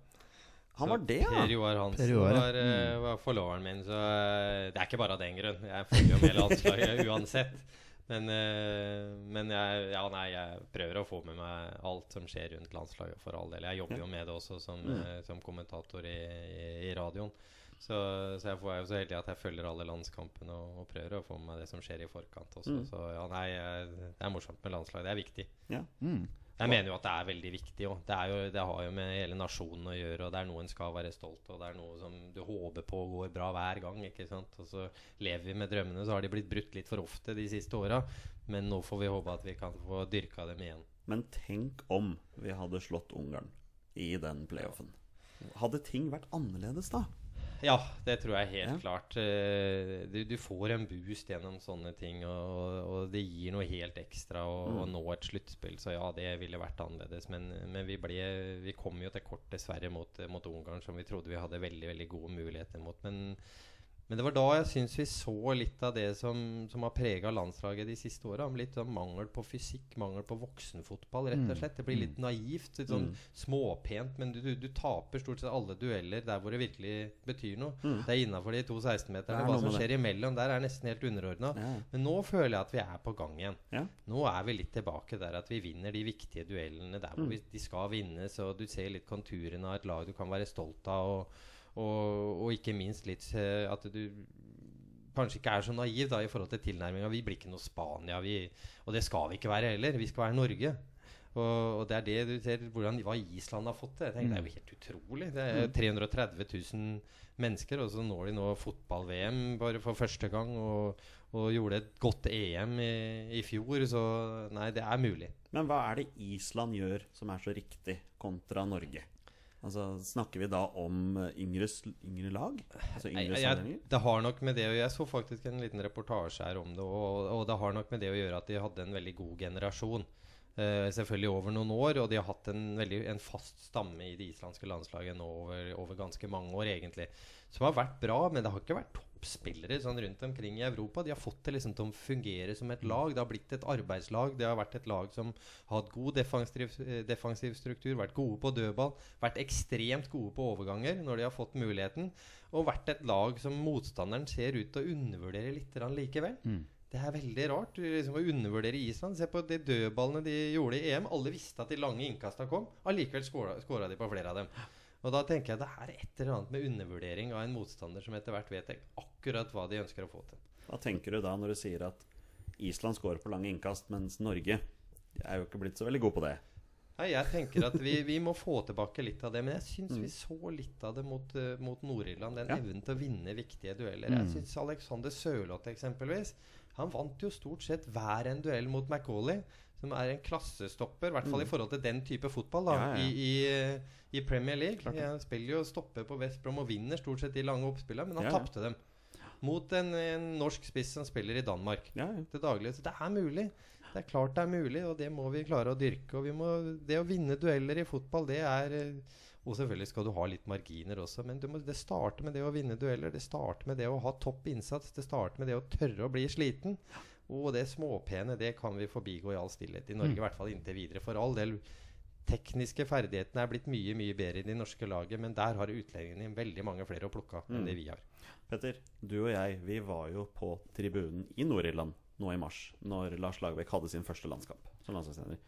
Du kan jo si at vi ser veldig stor forskjell på landslaget da kontra det landslaget vi så mot Nord-Irland nå. Ja, jeg, jeg, jeg ser en helt annen mentalitet. En helt annen innstilling, en helt annen vilje. Og det er litt interessant det eh, da vi var på tribunen eh, mot San Marino. Eh, hvor pasningene gikk på kryss og tvers, og det var ingen fremdrift. Og så sammenligner du med den kampen vi så i San Marino nå, hvor, hvor vi var, var fremoverretta. Vi visste vi skulle, vi skulle den veien, vi skulle mot mål. Og etter halvannet minutt så sa jeg bare til meg sjøl at dette her vinner vi. For jeg, det er en helt annen innstilling. Så det, det tenker jeg at Lagerbäck da har fått inn, fått prenta inn nå. Noe han også da sannsynligvis har fått prenta inn eh, på Island også. Eh, som de har bygget videre på. Den der mentaliteten. Den, det skal være en stolthet å spille med flagget på brystet. Eh, og den føler jeg ser mer konturene av nå enn hva vi gjorde for uh, ja, et år siden. Mm. Ja, Hva tenker du om det? Ja, jeg syns du har helt rett. Uh, Jeg tenkte også akkurat det samme. Og så tror jeg òg at Lagerbäck har, har sett det som som i og for seg vi alle burde ha sett, og som Island står for òg. Det at fysikk når det gjelder den type fotball som vi er nødt til å spille, er faktisk veldig viktig. Du er nødt til å ha et lag med veldig mye fysikk. Skal vi klare å vinne fotballkamper. Og, og vi må løpe nok. Ja? Det er ikke bare det at du trenger store, sterke, men fysikk går også på løpskapasitet. Og ikke minst viljen til å løpe og viljen til å sprinte.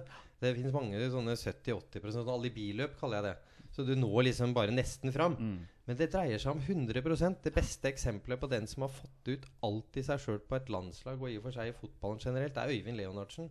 Ja. Han kom på trening i Rosenborg han sammen med en annen enn fra Klausenenga to år før han ble kjøpt fra Molde som den dyreste fotballspilleren i Norge i 1991. Og da var han ikke god nok. Men to år etterpå så ble han kjøpt som den dyreste i norsk fotball. Så vet du hvordan det har gått etter, etter den tid. Eh, en av de som har fått utrolig mye ut av, av karrieren sin, er eh, Øyvind Leonardsen pga. en vanvittig innstilling. Mannen bak begrepet 'best uten ball', vel? Best uten ball, ja. sånn. Ja, jeg har jo Le- hørt Leo det Skal jo ikke komme være noe stygt sagt om Leo, men, men det var jo en som påstod at uh, Han var jo ikke noe teknisk vidunder, Leo, men når han spilte i Liverpool, at his second touch is always a tackle. Det er der den kommer fra, ja. Det er flere som har den, Men tror så vant han gjerne den taklinga, da. Ja, ja, ja. Ikke sant? Det er typisk Leo. ikke sant? Da. Jo, jo. Man, man, man har ikke den karrieren som Leo hadde uten å ha noen form for talent heller, da. Altså, Nei, men han hadde talent for kanskje det viktigste talentet du trenger òg, og det er talentet for å tåle mye trening. Ja. Uh, og trene nok. Det, Mm. er, eh, det mener jeg er eh, Leo i et nøtteskall. skal vi dure litt inn på vår landslagstrener? Ja, Lars, Lars Lagerbäck. Lagerbäck. Hva syns du om han? Nei, Jeg liker Lars Lagerbäck. Han forteller ting som det er, og det tror jeg folk liker å høre. Vi liker å høre det vi ser. Mm. Det å bli Mm. fortalt noe helt annet enn det du føler at du akkurat har vært vitne til, det er ikke noe vits i, for vi lar oss ikke lure. Nei. Eh, Og han eh, kaller en spade for en spade, Lars Lagerbäck. Det er ikke noe altfor mye om og men. Det dreier seg om det å være nøye inn mot kamper. Uh, og ikke noe, ja, ikke noe slenger i valsen. Og han er rett på sak, og han er tydelig på hva han vil se. og og, og han driver ikke noe sånn uh, sideordna virksomhet. Det er liksom landslaget som gjelder, det å få de til å prestere der og da. Og, og, og, og så er det 4-4-2. Folk vet akkurat hva som kommer. Mm. Så, så jeg føler at det er veldig tydelig. Og det tror jeg veldig mange har savna litt. Det, Ja, det, det- er liksom tydelige rammer. Set, sette det litt i system. Og så har vi jo prøvd og feila litt nå det første tida, men vi har liksom følt at det har gått sånn sakte, men sikkert framover. Så fikk de en bråstopp mot Tyskland. Men så er vi litt på gang igjen. Så nå er det skapt optimisme ned inn mot neste kvalik. Da kan jeg stille deg et spørsmål når du snakker om den 4-4-2. For jeg har stilt spørsmål i podkasten før at jeg er usikker på om vi har spillemateriale til å spille 4-4-2. Eh, Hva tenker du om det? Det, det er litt avhengig av hvem du spiller med. Ja, selvfølgelig. uh, så, men har du bestemt deg for at det er det du skal spille, så må du plukke spillere etter det. Ja. Og der er Lagerbäck flink. Ja. Uh, det ser du helt tydelig nå. Han hadde helt sikkert spilt mot Joshua, med Joshua King mot uh, Nord-Irland hvis, han, eh, hvis han kunne. Mm. Men da stiller han heller med to, to andre med bra fysikk. Ja. Det, så du ser at de to i det fremre leddet Det kommer etter hvert til å bli to spillere med mye kraft. Ja. Eh, og så får du løpssterke kanter som skal være med hele veien, og så får du en stabiliserende midtbane. sentral midtbane. Og, og det er fordi at de ikke vil ha de kontringene imot. Nei? Hva tenker du om at han nå i siste landskamp satte Stefan Johansen ut på kant? Ja, Det er vel kanskje ikke så veldig positivt for Stefan Johansen. Eh, det, det er det nok ikke. Men, men, men allikevel tenker jeg da har Markus Henriksen fått prøvd seg nå i to landskamper. Han har vært ute lenge. Mm. En som spiller også som skårer litt mål. Og det er litt viktig å kunne ha en midtbanespiller også, som innimellom skårer skårer mål. Og det gjør Markus. Og har du en veldig god stabilisator i Sander Berge. Sander Berge kommer til å være fast inventar på det landslaget her i mange, mange, mange år. Og det er akkurat en sånn type du trenger der, som en sånn ryddig gutt. Og, så får vi nå se hvem som blir makkeren hans inne sentralt på, på midten. da Ja, for det er akkurat det vi har snakket om før. Jeg tenker at Når Lars Lagerbäck tar ut den første eller nå, så er Sander Berge en av de første han setter på det laget. Jeg tror det- kanskje den første. Ja. Ja, Og det sier jo litt, da, for vi snakker om en gutt som Han har vel ikke fylt 19 år ennå, tror jeg? Eller kanskje Jo, han har fylt 19? Ja, han er vel 19. Men uansett, da. At han i en sånn alder allerede er liksom kanskje den viktigste spilleren på landslaget. Da, da, da har du potensialet, altså. Ja, og, og det har du. Og det som også er morsomt, er at han er ung. Og så så du Birger Meling. Kanskje Mm. Kanskje og i hvert fall en av de tre beste han nå i Ja. kampen mot Nord-Irland. Ja, ja. Vanvittig iver, Ja, ja, flink til å bli med fram. Undervurdert fart på Klarte seg godt mot en hurtig, sterk kant. Ikke sant? Han er ikke, rar, han er ikke svære karen, Birger Meling, men allerede en stor fotballspiller. Så, så det, er liksom, det er noe nå å bygge, bygge videre på. Så har vi fremdeles, mener jeg, da en utfordring i forhold til midtstopperposisjonen mot, mot gode lag. Der er jeg litt usikker på, på hvor gode vi er. Så hvis vi må, trenger å dyrke og få frem noen gode stoppere nå over tid, så kan det her bli virkelig bra. Hva var det vi sa fra tribuneplass når vi så Birger Meling kjempe mot dette her beistet McGennis på, på høyrekanten der? Nei, vi sa vel noe sånt som at det var feige lag. Det var feige lag sånn fysisk. Han er, eh, men det, apropos Birger Meling, da jeg leste, leste intervjuet med han før, før kampen, så snakka han mye om det å gjøre Ullevål til et fort igjen. Og jeg syns det er så viktig å ha den innstillingen der, da. Og da, da får jeg liksom følelsen av at Birger Meling Han vil virkelig spille for Norge. Han vil virkelig spille med flagget på brystet. Og det er det vi som supportere liksom har lyst til å lese, det vi har lyst til å høre. Og det er så deilig da med sånne spillere. Så jeg vil gjerne ha Birger Meling eh, fremdeles på venstre. Syns han klarte seg utrolig bra. Ja, ja, ja, nei, jeg er helt enig i det. Jeg tror ikke det blir lett for alle sammen å ta Nei. tilbake den plassen der. Eh, Meling er nok, eh, er nok førstevalget nå, på bakgrunn av det han presterte mot, mot Nord-Irland. Det er ikke noe tvil om. Men eh, ja, du snakker om midtstopperne. Eh, vi har jo kommet ikke til en konklusjon, men vi mener jo at det beste midtstopperet landslaget kan stille med akkurat nå, er det vi så. Håvard Nordtveit og Tore Ginussen. Er du uenig eller enig i den? Ja, jeg er helt enig. Du er helt enig? Ja. Ja, det er, eh, da har du duellstyrke, du har taktisk kløkt. Eh, Så mangler du litt på fart, eh, men, men det er nå sånn det er. Eh, Per dags dato så mener jeg de to er de beste. Så Det spilte vi med mot, mot Nord-Irland, og det funka bra. Ja, ja, Det er ikke noe tvil om. Nå, var, nå skal det sies at jeg syns Nord-Irland var usedvanlig tamme offensivt i perioder. Det ble veldig mye på tvers til Nord-Irland å være, og det var ikke så fremoverretta som jeg har sett før. Men likevel, det, det er det beste vi kan stille med per dags dato. For Hva tenker du om de som er utfordrere, da? Altså Vi har Gustav Walsvik. Eh, Sigurd Rostedt har vært i noen tropper nå. Eh, er det de to da som er nærmest til å utfordre? Ja, det- Jørgen det er- Skjelvik har jo også vært inne i bildet her. Jeg syns han har litt taktiske utfordringer. Jeg Mm. synes Han er litt han, han oppfatter ikke ting fort nok rundt seg. Jeg syns han ble veldig avslørt mot uh, Tyskland. Mm. uh, og da gikk det veldig fort rundt den. Ja. Så han har veldig fin fart og sånn, eh, Skjelvik. Ubrukbar sånn i oppspillsfasen og sånn, men, jeg- men jeg er litt usikker på om han er taktisk uh, klok nok. I hvert fall hvis du skal spille mot enda bedre, bedre motstandere. Og det er jo det du egentlig forbereder deg på, for vi håper jo at Norge skal dit igjen. Det At vi, at, vi får, eh, at vi kan bryne oss med de, mot de aller, aller beste igjen. Ja, Og, og da tror jeg han vil komme til kort. Og, men vi trenger fremdeles å dyrke noen, noen stoppertyper i, i Norge. Det er ikke Ja. noe tvil om. Jeg har lyst til å høre Carl Petter Løkens tanker om Martin Ødegaard. Hva, hva tror du om han og videre spill på A-landslaget? Eh, han kommer helt sikkert til å bli flytta på A-landslaget når, eh, når trenerne mener at han er, er moden, og ikke mm. minst når laget er, er klar for å ta imot Martin Ødegaard. Du får en type som skal ha ball mye. eh, og, og som skal være med å sette et preg på landslaget. Og så tenker jeg Det er kanskje ikke tid for det ennå. jeg tenker at han har veldig godt av å, å, å være der hvor han er foreløpig, og få spille fulle kamper og, og utvikle seg i ro og fred. Og, og så For all del er det kjempebra at han gjør det bra i, i Heerenveen, og at de lykkes og gjør det godt, men vi snakka litt om nederlandsk fotball tidligere. Nederlandsk fotball er ikke, er ikke fotballens gullgruve for øyeblikket. Eh, det tror jeg vi alle skal være innforstått med. Mm. At eh, for all del, Og det tror jeg er veldig bra. Da får de spille fast der. Han og Morten Torsby spiller jo fast, gjør det bra. Og begge de vil helt sikkert være aktuelle for, for et A-landslag om ikke så altfor uh, for lenge. Men la nå gutten få tid på seg. Han er fremdeles Ja, nå er han kanskje fylt 19. Det er i hvert fall nære. Ja. Han, uh, jeg har sett den hele tiden han var, uh, var relativt liten. Ja, Ja. Vår uh, mellomstemann vår har spilt kretslagskamp mot den. Han spilte for Buskerud, og, og vår uh, Oskar da spilte for Oslo. Så, Så du det allerede da? Ja, det er ganske lett å se. Ja. At det er noe ekstra ved Martin Ødegaard. Det sies at Oslo slo Buskerud den kampen. men, men du ser veldig godt at Martin Ødegaard var, var noe spesielt ved. Ja. Så, så det er ikke noe tvil om. Det har veldig mange sett i, i mange år. Og det er fremdeles noe spesielt med Martin Mm. Ødegaard. Så hans tid kommer. Eh, Jeg tror ikke den kommer sentralt på midten. Jeg tror den kommer i en av kantposisjonene. Ja, Da får han utfolde seg. Det blir, han blir slukt og spist opp litt Ja. sånn sentralt i, i banen. Mm. Akkurat som Mats Møller Dæhlie vil bli. Ja. Uh, men på kanten så får du litt mer, mer rom. ja, for, Og utgangspunkt fra kant tenker jeg er bra for Martin. ja, for det er jo spørsmålet jeg skulle stille neste. da. Hvordan hadde Ødegaard passet inn i Lars Lagerbäcks Norge?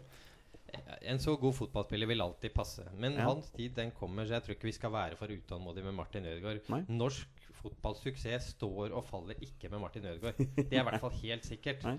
Han kan bli en veldig veldig positiv bidragsyter i, når hans tid kommer, men foreløpig er ikke han det står og faller med. Nå er det helt andre ting som gjelder, og det var, vi var litt på gang til å få til noe igjen mot, eh, mot Nord-Irland. Ja. Syns du media har vært for aggressive de siste årene i forhold til Martin Ødegaard? Ja, ja, ja, ja. For all del. Jeg, jeg syns det har vært altfor opphausa. Så er det ikke så bra for gutten heller. La han få tid på seg. Han kommer til å bli kjempegod. Han har alltid vært kjempegod. Og la han få de her eh, åra Om han da bruker et år ekstra på å spille på A-landslag, så kommer han til å få mange år på et A-landslag, han. Mm. Så det er ikke noe å være utålmodig i forhold til. Og han kommer til å få prøve seg om ikke så lenge. Det er jeg helt sikker på. Ja. Um, jeg har lyst til å hoppe litt på det spørsmålet som jeg vet du har venta litt på. Og vi har snakket litt dette her før i forhold til holdninger rundt landslaget. Har du lyst til å ta det spørsmålet?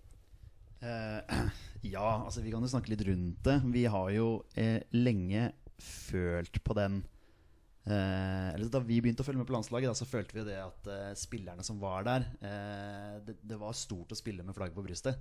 Eh, nå i senere tid så har vi liksom følt litt på det at det er ikke så viktig lenger å spille på landslaget. Eh, hva tenker du rundt det?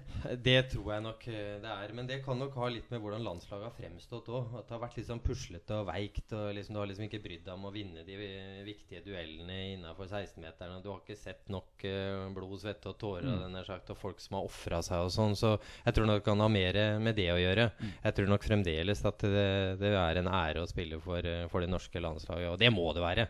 Det, det skulle ha bare manglet. Ellers har de ingenting der å gjøre. Det bør nesten være et kontrollspørsmål, da, i tilfelle hvis vi mistenker noen for, for ikke å mene det.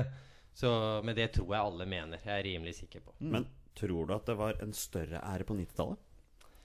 Ja, det kanskje, var kanskje større, eh, fordi at eh, vi opplevde jo ikke så mye. I hvert fall ikke sånn tidlig på 90-tallet. Nå etter hvert som det ble mesterliga sånn for min del med Rosenborg, så er det klart det var jo stort.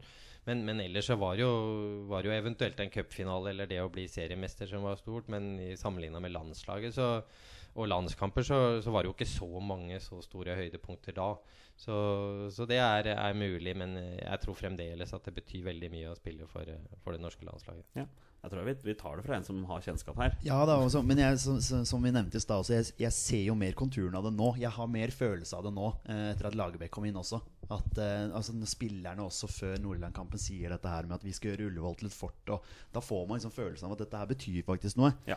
Eh, og oss som følger landslaget såpass tett, det er, det er deilig å lese. Ja, ja. Ja, så føler du litt det der islandske kampropet runge i bakgrunnen, Ja, selv om det ikke er det. Da liksom du kjenner det der, Ja, ja, ja. Vi det er der suggesjon hvor alle er med på det samme. Mm, ja. Vi trenger ikke å kopiere det ropet. Altså. Nei, nei, men at, vi, at vi, man føler liksom det er en gjeng nå som, som drar litt i samme retning. da Ikke sant? Det, det er deilig, og, og da kan man jo spørre om det eh, angående neste kvalik. Ja. Hva du tenker? Tenker du at vi, eh, at Kommer vi til neste mesterskap?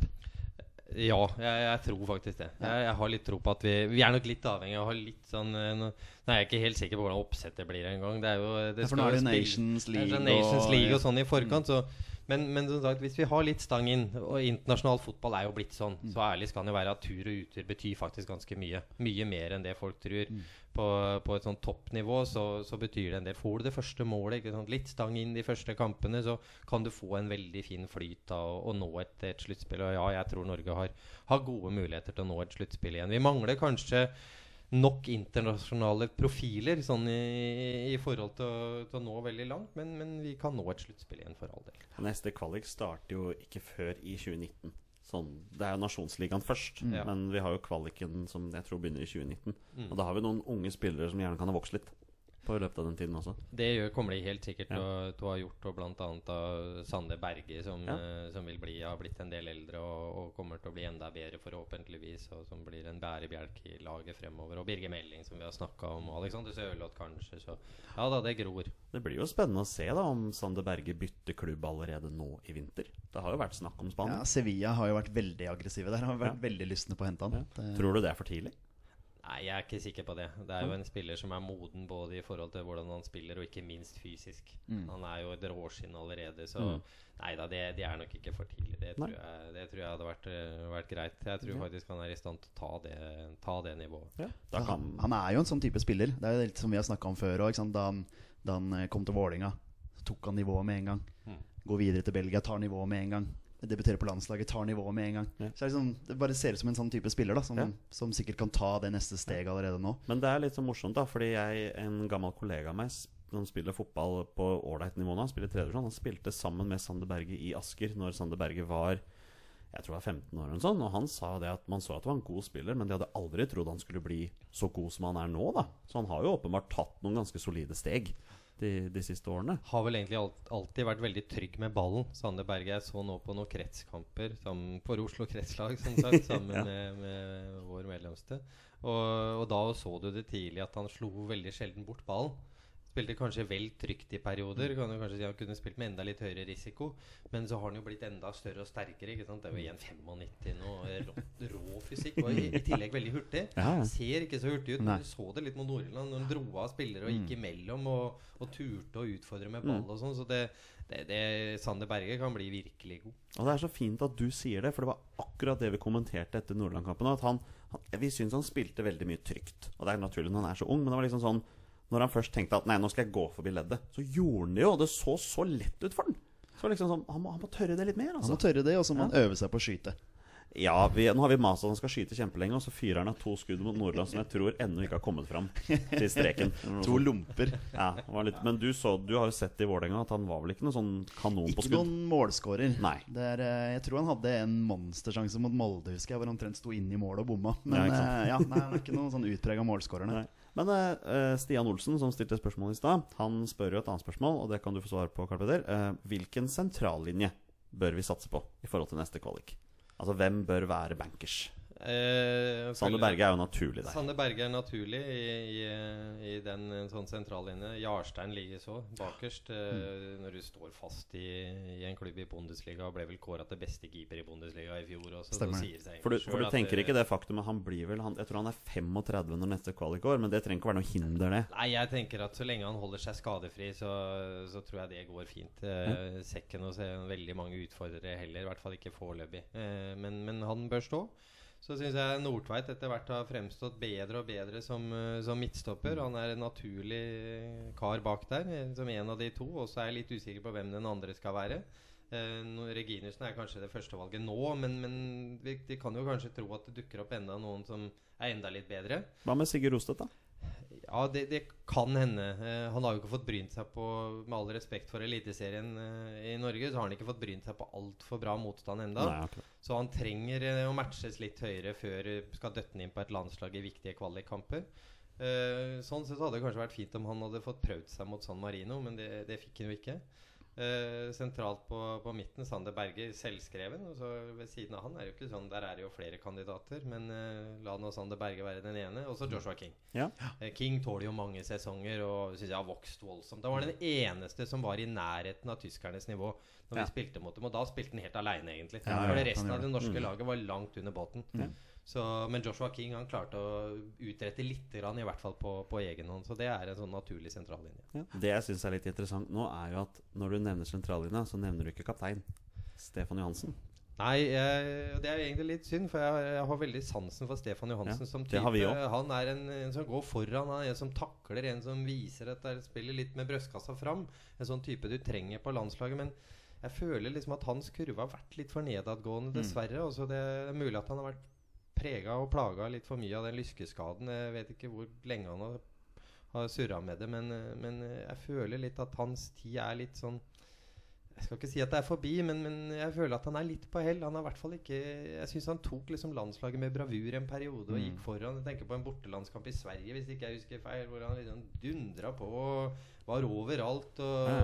det så veldig bra ut, men ja, jeg er ikke helt sikker. Nei, Det vi sitter redd med, er jo den hjemmekampen mot Bulgaria i kvaliken. Det var høsten 2014, hvor han bl.a. takla treneren til Ja, det er fint. Ja. Ja, men da, da var han overalt. ja, for det var da vi fikk øynene ja, opp for ja, ja. ham. Han var overalt og jobba og kjempa og løp Ja, ja. og, og sånn, så det, vi har også savna det der. Ja, og, og vi har snakket om det. Vi vil gjerne ha Stefan Johansen på landslaget. Men vi vil gjerne se en Stefan Johansen som, som presterer jevnt. da Og vi syns det har vært veldig Veldig opp og ned. Så vi er jo litt usikre på om, om Lagerbäck har gitt seg sjøl et slags Høgmo-problem her. For Høgmo satte jo Skjelbred som kaptein og satte han ut på kant. Og det var liksom Ok, nå begynner han å sette Stefan Johansen ut på kant. Er dette Han prøver å få han til å fungere, liksom.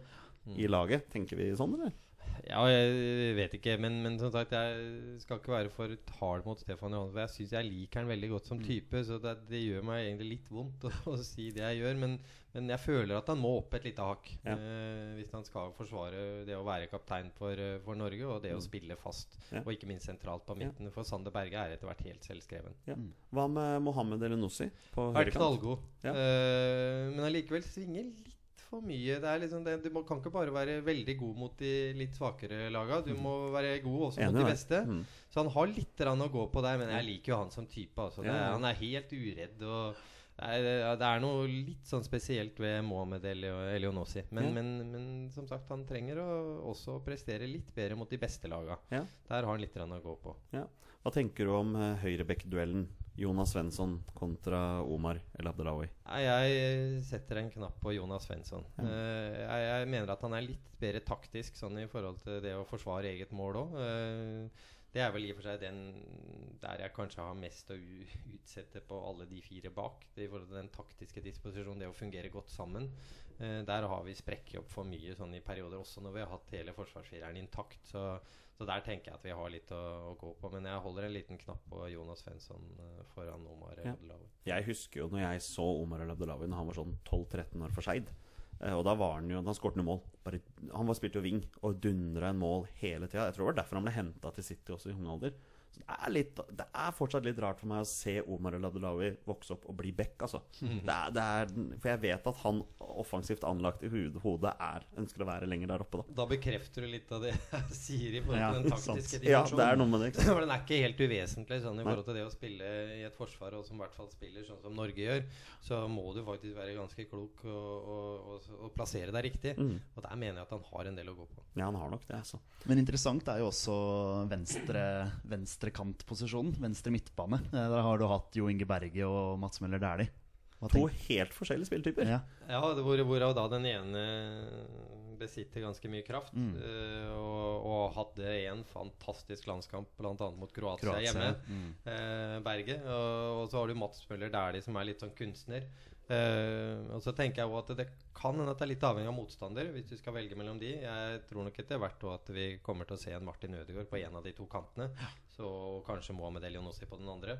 At du kanskje spiller med Ødegaard til, til høyre og Elionossi til, til venstre. Da får du to innoverkanter, men det kan kanskje være, være greit. Så, men, men det er litt sånn hipp som happ med Mats Møller Dæhlie og Jo Inge Berge, tenker jeg. Eh, jo Inge Berge som sagt kanskje vil spille med han med, mot de bedre nasjonene. Jeg syns Mats Møller der det ble altfor veik mot Tyskland. Eh, enda da spilte han ikke mot noen stor fysisk sterk back, men han kom til kort mot Kimmich hele tida. Nå er Kimmich god, altså. Det er, Ja, det, det. det er klassespiller. Han kan spille over hele banen. Jeg hadde satt han opp uansett. Ja, Så det noe alle lag. Jeg synes han er helt fantastisk, men, men han er jo ikke stor. Så det var poenget mitt. Allikevel så var liksom Mats Møller der det ble junior, altså. Ja, I, i men, det, forhold. Så, men det er jo helt sykt å bare nevne litt om Tyskland igjen og se det maskinlaget der. Altså hvor hver eneste spiller veit så inderlig godt hva de skal gjøre i hvilken som helst situasjon de er i. Altså Mads Møller Dæhlie spilte Beckham Ja. mot, mot uh, Tyskland. Det var det han gjorde. Han prøvde i hvert fall. Men, men, men Mm. se jo da hvordan Tyskland spiller. De tør jo å flytte opp bekkene sine. De er nesten på kritt de står nesten i forhold til der hvor den bakre fireren på Norge, til Norge er. De, Ja. de er klare for Mm. gjennombrudd hele veien. De er så ballsikre. Og jeg, kanskje den, den spilleren jeg syns er best på Tyskland, er jo Tony Cross. Ja. Uh, når han kommer ned Han gjør jo nesten ikke feil med ball, og det er ikke snakk om å slå på tvers og bakover hele tida. Der er det gjennombrudd, og det er crosspasninger som ligger som hender på lissa der. I, er i korte gjennombrudd, stikkere. Det er innleggsfinter, det er skuddfinter. Det er, det er et repertoar som er helt utrolig. Og det er ikke for ingenting at, eh, at eh, Real Madrid kanskje er villig til å la Modric gå. Nå vet jeg ikke om det er noe i de ryktene knytta til Kane og det her. Det tror jeg ikke vi skal legge for mye i, men, men det er klart Kroos er, eh, er utrolig god. Ja. Og i forhold til hvordan Tyskland spiller, så er, jo, så er han navet, egentlig. Og innlegget, en heading, i mål! I mål fra luftens baron! Mine Jacobsen, 1-0 til Norge. Og vi ser ikke det så veldig ofte, at Mini skårer med hodet. Jeg lurer på ja, om vi skal gå videre til et segment som jeg har gledet meg til, og det kaller vi for Gjestens beste menn. Eh, For vi har spurt deg, Karl Petter, om du kunne sette opp et drømmelag bestående av spillere du har spilt med på det norske landslaget. Og du kunne selv velge formasjon. Har du, har du kommet i en elver? Ja, det, det har jeg. Eh, Det ville vært dumt å si noe annet. Altså. ja, det var kanskje litt stort press på den her. ja, ja, det var det jeg følte det. Nei da, jeg har, jeg har landa på en formasjon da som eh, Lagerbäck ville ha satt pris på. 4-4-2. Jeg tenkte du skulle velge 4-5-1. Ja, nei, jeg gjorde ikke det. Jeg, jeg gjorde det litt for pga. spillertyper òg. Eh, Så da landa jeg på 4-4. Når det gjelder keeperplassen, så tror jeg det var ganske, det var ganske enkelt. Eh, det er Erik Thorstvedt i mål. Eh, og er en fantastisk keeper i, på landslaget. Og en fantastisk type og en perfeksjonist av en annen verden. Så han landa jeg med på som keeper, og så var jeg så satte jeg opp meg sjøl, da. Ja, det skal du. Ja, det skal du jo. Eh, Jeg regna med at det var innafor. Ja, Men er du midtstopper, eller er du Nei, nei, da er jeg høyrebekk. høyrebekk? ja. høyre er høyrebekk. Eh, og som midtstopper, som, eh, som en av de to, så var den ene var jo helt selvskreven, selvfølgelig. Det er Rune Ja, det var det jeg tenkte. jeg, da. Eh, og, og den andre var kanskje ikke like selvskreven for alle, men for meg var det det. Det var Ronny Johnsen. Ja, men den er med på meg, altså. Klassespiller. Ja, Eh, Vunnet Mesterligaen med, med United. Stor fart og, og et voldsomt uh, vinnerhode. Må jo være en av de raskeste midtstopperne som har spilt på toppnivå, tenker jeg. Han var Bortsett jo- fra at han ville ha blitt løpt fra Rune Bratseth. For han løp alltid ja, litt grann altså- fortere enn det han Ja. trengte. Eller, eller enn motstanderen. Så hvis han hadde løpt om kapp med Ronny Johnsen, hadde han sikkert vunnet med en halvmeter. Eller Men der har du jo da to ganske hurtige, hurtige midtstoppere. Ja, Da. Ja, Voldsom fart. Uh... Men før du går videre Du, du Ron Johnsen, stemmer det at han ble tatt ut på landslaget som spiss først? Jeg lurer på om han kom inn som spiss da han skårte borte mot eh, Polen, Polen, i den 94-kvaliken. 3-0-kampen det kan godt hende. Ja. Det kan nok hende. Han starta karrieren som spiss. Ja da, ja da, det, det gjorde han. Men, men jeg spilte mot Ronny Johnsen. Jeg spilte i Rosenborg, og han spilte i Lyn. Ja. Uh, og da, nå skal jeg jo si noe som høres helt absurd ut. Det er at jeg sprang fra han. Men jeg sprang ikke fra han, jeg sprang forbi han. Og så snudde han, og så røyk han akilleshæla.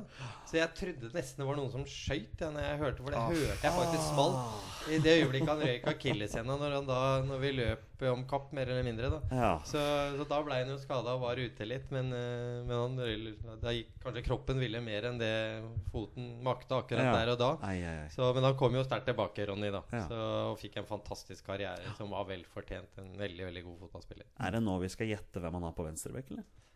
Jeg tror jeg veit det. Du tror du vet det? Jeg blir veldig overrasket hvis det er noen andre enn Stig Inge Bjørneby. Ja, altså. det er Stig Inge Bjørneby. og som sagt, eh, Vi var jo innom det litt tidligere. Jeg delte jo rom sammen med Stig Inge i 94, og vi var i og for seg gode kompiser også når han, eh, når han var i, i Rosenborg. Og så, var han jo, så sto han jo bak noe av det som var hefta ved Egil Olsens periode. Selv om det er veldig overdrevet. Det var bare et, et mulig trekk av veldig mange andre. Den crosspasningen over til, til høyre kant. Og der starta jeg, jeg selvfølgelig på mitt lag med Jostein Flo. Ja. Jeg må jo ha med, Ja, med, med relasjonelle Ja, der. Jeg kan ikke bare spille med én av dem. Nei. Det går jo ikke. Så begge to er med. Eh, Jostein òg et uh, herlig type, og ikke minst en vinnerskalle av en annen verden. Utrolig god duellspiller. Mm. Og, og vant jo stort sett alt. Og det har òg en sammenheng med hvem jeg har plassert som den ene av de to inne sentralt, ja. og det er Leo. Ja, selvfølgelig. Det måtte jo være det. Så det blir jo litt sånn annerledes enn hvordan Egil ville ha stilt opp dette her, kanskje. Men i og med at jeg har fire på midten, men, men jeg har Leo. Ja, ja. Fordi at eh, Jostein ville ha heada gjennom Leo.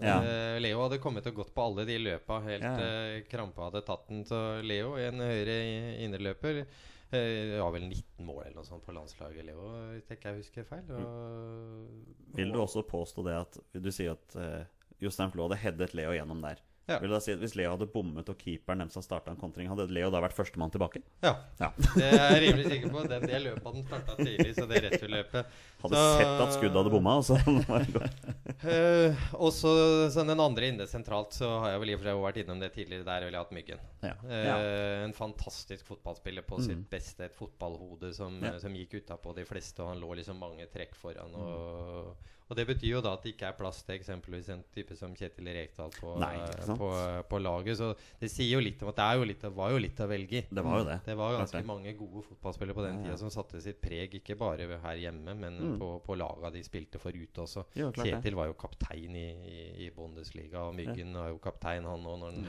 når han var ute og spilte og, og var en stor fotballspiller. Og så ville jeg hatt Mini på venstre. Ja, selvfølgelig. Eh, det måtte jeg jo. Jeg må jo ha med noen av de gamle kultkompisene fra Rosenborg. Men Mini hadde jo en bra karriere på, på landslaget, i hvert fall i den perioden. Det er lov å si at Mini også er litt av en person. Ja. Altså type. Jeg ser for meg han var det også i starten av sin karriere. Ja, ja, ja, ja. Mini satte sitt preg på alle de miljøene han var en Ja. del av. Så det er ikke noe, det er ikke noe tvil om. Nei. Veldig mange har jo liksom tenkt at han var den, den var veldig morsom. Ja. Det er ikke nødvendigvis riktig. Nei. Eh, han hadde jo en god replikk, men i forhold til Kåre Ingebrigtsen, da, som trener Rosenborg i dag, Ja. så smalt det jo mye oftere derfra. Det gjorde det, ja. Kåre hadde Ja, en det- fantastisk replikk på lager, så han er jo utrolig god på sånn situasjonskomikk. Og Herlig. er replikkens mester. Så, så Kåre var jo utrolig, men, men han er ikke plass til på laget her. Nei. Jeg er veldig spent på hvem han har på topp På. Altså. Ja, er- det- eh, jeg, jeg, jeg- jeg mistenker at jeg veit en. Ja, jeg, jeg tror kanskje For å være helt ærlig jeg, Den som sikkert burde ha vært her, men, men jeg spilte ikke så mange kamper sammen med Tore André Flo. Eh, det var ikke, jeg tror ikke det er mer enn én eller to, for han kom jo litt etter at jeg egentlig takka for meg. Da la han bladet på sitt beste, så det betyr at han er ikke her. Han spilte faktisk den når dere tapte 3-0 bort mot Nederland. Ja, han gjorde det. Så jeg var klar over det at det var mer litt på de, de siste landskampene jeg, jeg spilte, så han burde egentlig ha vært der. Ja. Men jeg tenkte i og med at jeg, i og med at jeg spilte mange flere kamper sammen med Jan Åge og, og Gøran, så lot jeg de to Jeg få, få spille der framme. Ja. Så, så det hadde vært et Jeg tror det hadde vært et ok, okay lag. Vi ville nok ikke ha klart oss det i dag, men i sin tid så var det et bra, bra Ja, lag. ja, ja. ja. Tror du, tror du Erland Johnsen blir fornærma når du ikke inkluderer han, med tanke på at han var med i alle dine debuter på U19, U21 og Ja, det er kanskje litt dårlig gjort. Han, han hadde vel sparka meg ned da som han gjorde når vi spilte mot hverandre i aldersbestemt. Han spilte i Moss og jeg spilte i Du får sette den som førstemann på benken. Han får være han får være på benken, ja. Ja, ja. Men, men når det er sagt, det, liksom, det, det, det illustrerer jo litt av, den, av det de utfordringene kanskje er å sette sammen et lag fra den tida, når du har så mange vinnertyper som du kan plassere utafor. Eh, og det savner vi kanskje litt i dag. Kan mm. kanskje savne noen av de vinnerskallene som, uh, som satte sitt preg på, på storhetstida, da, kanskje på 90-tallet. Der er det en vei å gå. Og så tenker jeg også på kanskje en av de aller beste i, i Mesterligaen for Rosenborg, som var utrolig god i Rosenborg, Ørjan Berg. Ja. Jeg, jeg har jo nesten ikke landskamper. Det er, nesten, det er jo smått utrolig. hvorfor, hvorfor blei det sånn? Ja, det er et godt, eh, godt spørsmål. Han fikk Ja. vel ikke Han hadde jo ikke så veldig mye tillit under Egil. Eh, så, så Ørjan fikk ikke så mange landskamper. Kommer litt tilbake igjen litt eh, med andre landslagstrenere. Men han fikk liksom ikke den tilliten som, som veldig mange andre da, enda han var utrolig god for Mm. Rosenborg i, i Mesterligaen. Og da snakker vi mot de beste lagene Mm. i verden, egentlig, i en periode. Ja. Hvor han dominerte kamper, spesielt på Lerkendal. Så så det er litt rart, men, men Det sånn er litt merkelig. Ja, det er litt rart. Ja. Ørjan hadde fortjent flere landskamper. Jeg tror ikke han har mer enn 19. Nei.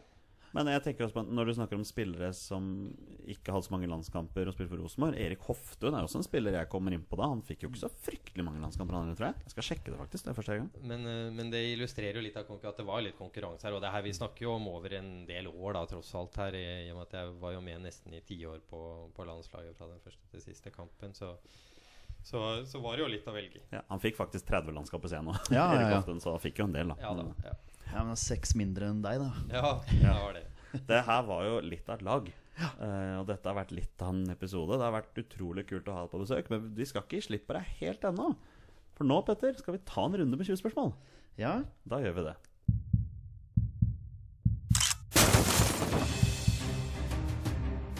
Er han nåværende landslagsspiller? Er han fortsatt aktiv? Har han spilt for Rosenborg?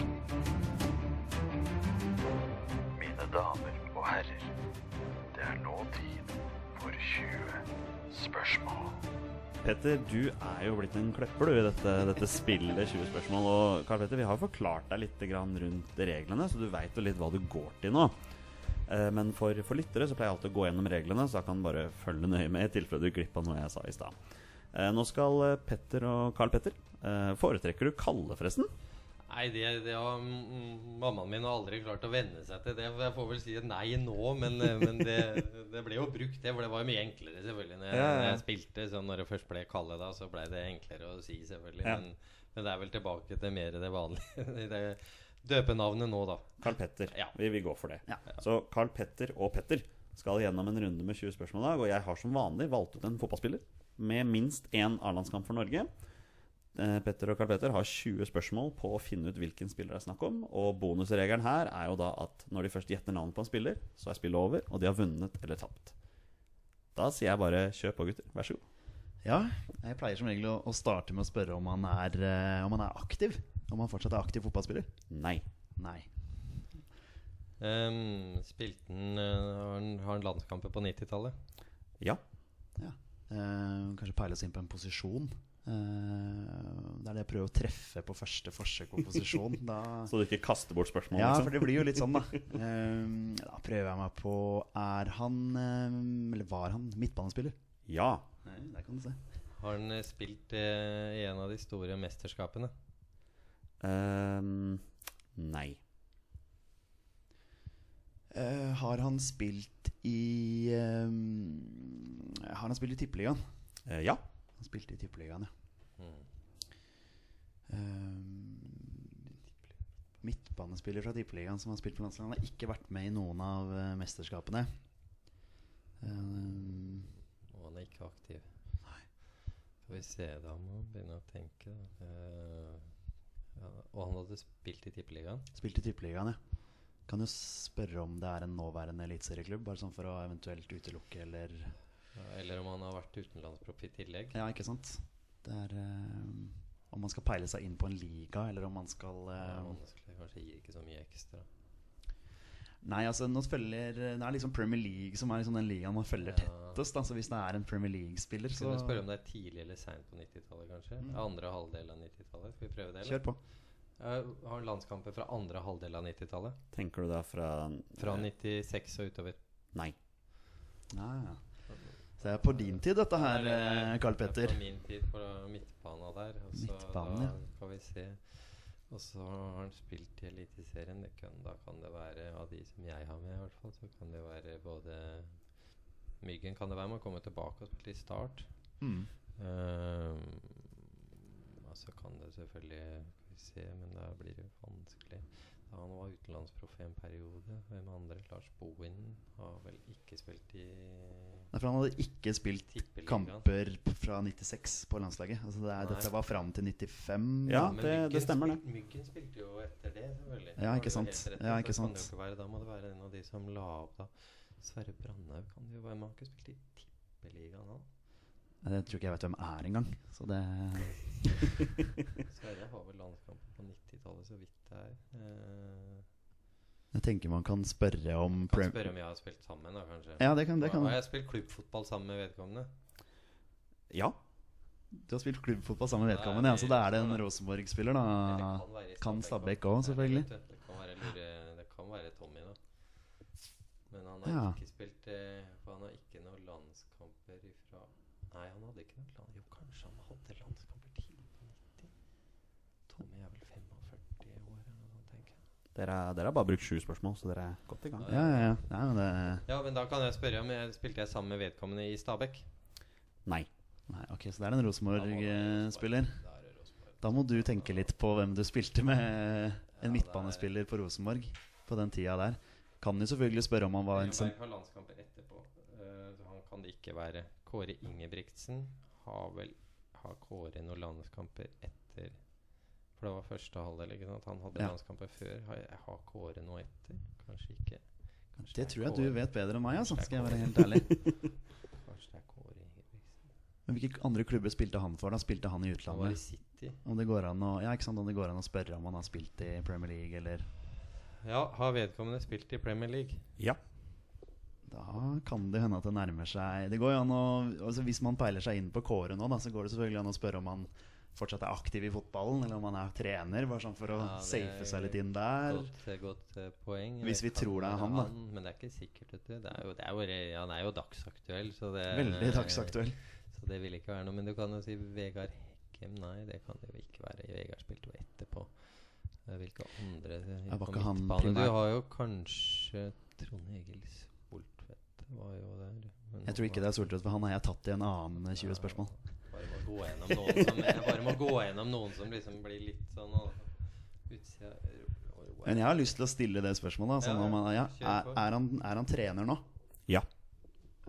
Da, da kan vi jo safe oss igjen inn med å spørre. Du må ta en, sjekk, dobbeltsjekk her nå. Ja, for det, liksom. Det kan jo fort være han da, altså. Ja da, det, det virker Blir jo veldig overraska hvis ikke. Spurte han har spilt i Tippeligaen. Det er det som er litt sånn når- Ja, han spilte ja da. Det har jeg spilt i selvfølgelig i Viking. Ja da. Ja, Jeg liker konkurranseinstinktet her, forresten. ja, Jeg ser jo, ser jo på deg, Karl Men man kan jo stille konkret da om han har, har han spilt for Manchester City, bare sånn for å være ja, ja, ok. helt Har han spilt for Manchester City? Ja. Da, Da kan du få lov til å- da, da svarer vi Kåre Ingebrigtsen. Det er Kåre Ingebrigtsen Ja, er deilig. eh, Bra jobba. Tenkte jeg skulle prøve å lure det litt nå, skjønner du, for jeg regner med at du ikke skulle komme inn på Rosenborg. Ja. På midtbanespillet, Men det var jo en del Rosenborg-spillere på tidlig 90-tall som var innom landslaget. det Ja, ikke det sant. det Det var jo flere Men av Hvor mange landskamper har han? Han har faktisk 23 landskamper, 23 landskamper. Eh, mellom 90 og 95. Så det var veldig bra, veldig bra timing der. Mm. Ja. Jeg ser for øvrig også at han hadde intet mindre enn fire forskjellige perioder i Rosenborg. Ja. Han Ja, var i Rosenborg 85 til 92 da, som sin største periode. Så var han i City. Eh, var ett år i Rosenborg i 93, så gikk han til Strømsgodset. Mm. Eh, tilbrakte to år i Lillestrøm etter det. Så tilbake til Rosenborg 96. Så til Lillestrøm igjen, og så avslutta han i Rosenborg. Så det var mest der han var, da. Mm. Mest. ja, men det var godt å, godt å ja, få det var det til. selvfølgelig Lillestrøm. Ja, jeg tenkte nå, jeg spola av litt, nå, men det stemmer det. Kåre switcha en del han, på på de ulike klubbene. Det er ja. morsomt å lese her. Han, han fikk 17 kamper for Manchester City. Han skårte tre mål for Manchester City, alle i samme kamp. Ja. I FA-cupen mot Leicester i 1994. Står det her. Så det er litt morsomt å ha med seg. Du, Carl Petter, det har vært en fryd å ha deg med her. Eh, Jeg sa jo det at vanligvis så varer episoden vår i en time. Vi har bikka en time og 50 minutter, så det, det blir litt av en klippejobb. Jeg håper du har hatt det gøy. Det har vært veldig veldig morsomt. Og, og det å treffe folk som er engasjert i, i fotball, ikke minst landslagsfotball, det er veldig morsomt. Ja, Petter, har du noe lyst til å si til Karl Petter på slutten? eller? Du er fornøyd, du òg? Jeg er veldig fornøyd, og spesielt fornøyd med at vi klarte 20 spørsmål. Ja. Det var jo Det er viktig. Ja, ja, det, er det, viktig, det redda podkasten for Petter, tror jeg. Men eh, Nei, men eh, det er en stor ære å ha deg på besøk. Det er så, så gøy for oss å, å få oppleve det. ja, det, er, det er ikke noe mer enn å si det. Altså, det. Det er så gøy å bare sitte og prate fotball òg. Vi blir jo sittende og bare prate ball. Ja, det er det, det er det som er så fint Ja. med fotball. Og, så er det lov å mene noe. Og, og det er faktisk noe jeg Bare for å ta det litt helt på slutten Det er faktisk noe av det jeg reagerer på, er liksom trenere som skal mene noe om folk som mener noe. Ja. Og så tenker jeg, hva er det for noe? Det må jo være veldig bra at folk mener noe. Det er Ja, jo det beste som fins. Det å mene noe om fotball og få, Få det frem istedenfor og... å torpedere det med sånn flåsete utsagn. Og det er litt sånn Bare ta litt sånn som Kanskje Åge Hareide kunne ha en liten tendens til. Liksom, og, jeg syns Kåre Ingebrigtsen har hatt det litt nå, i de periodene hvor Rosenborg har slitt litt. Mm. Så tenker jeg det har bare fotballen godt av. Det er ufarlig å diskutere fotball. Det er noe av det mest ufarlige jeg vet om.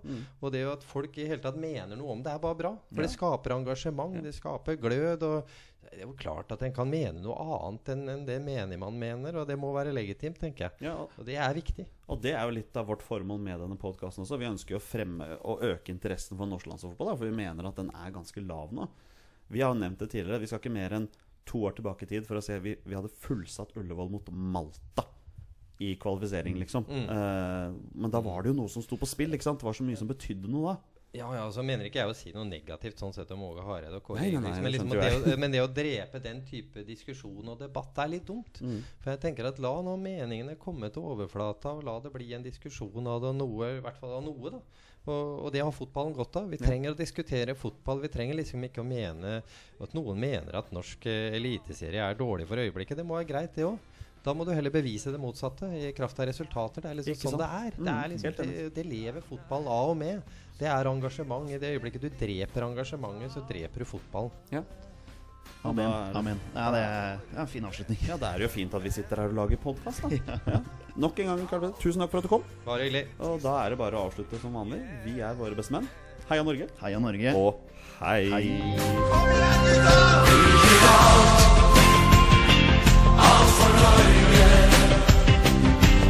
it all.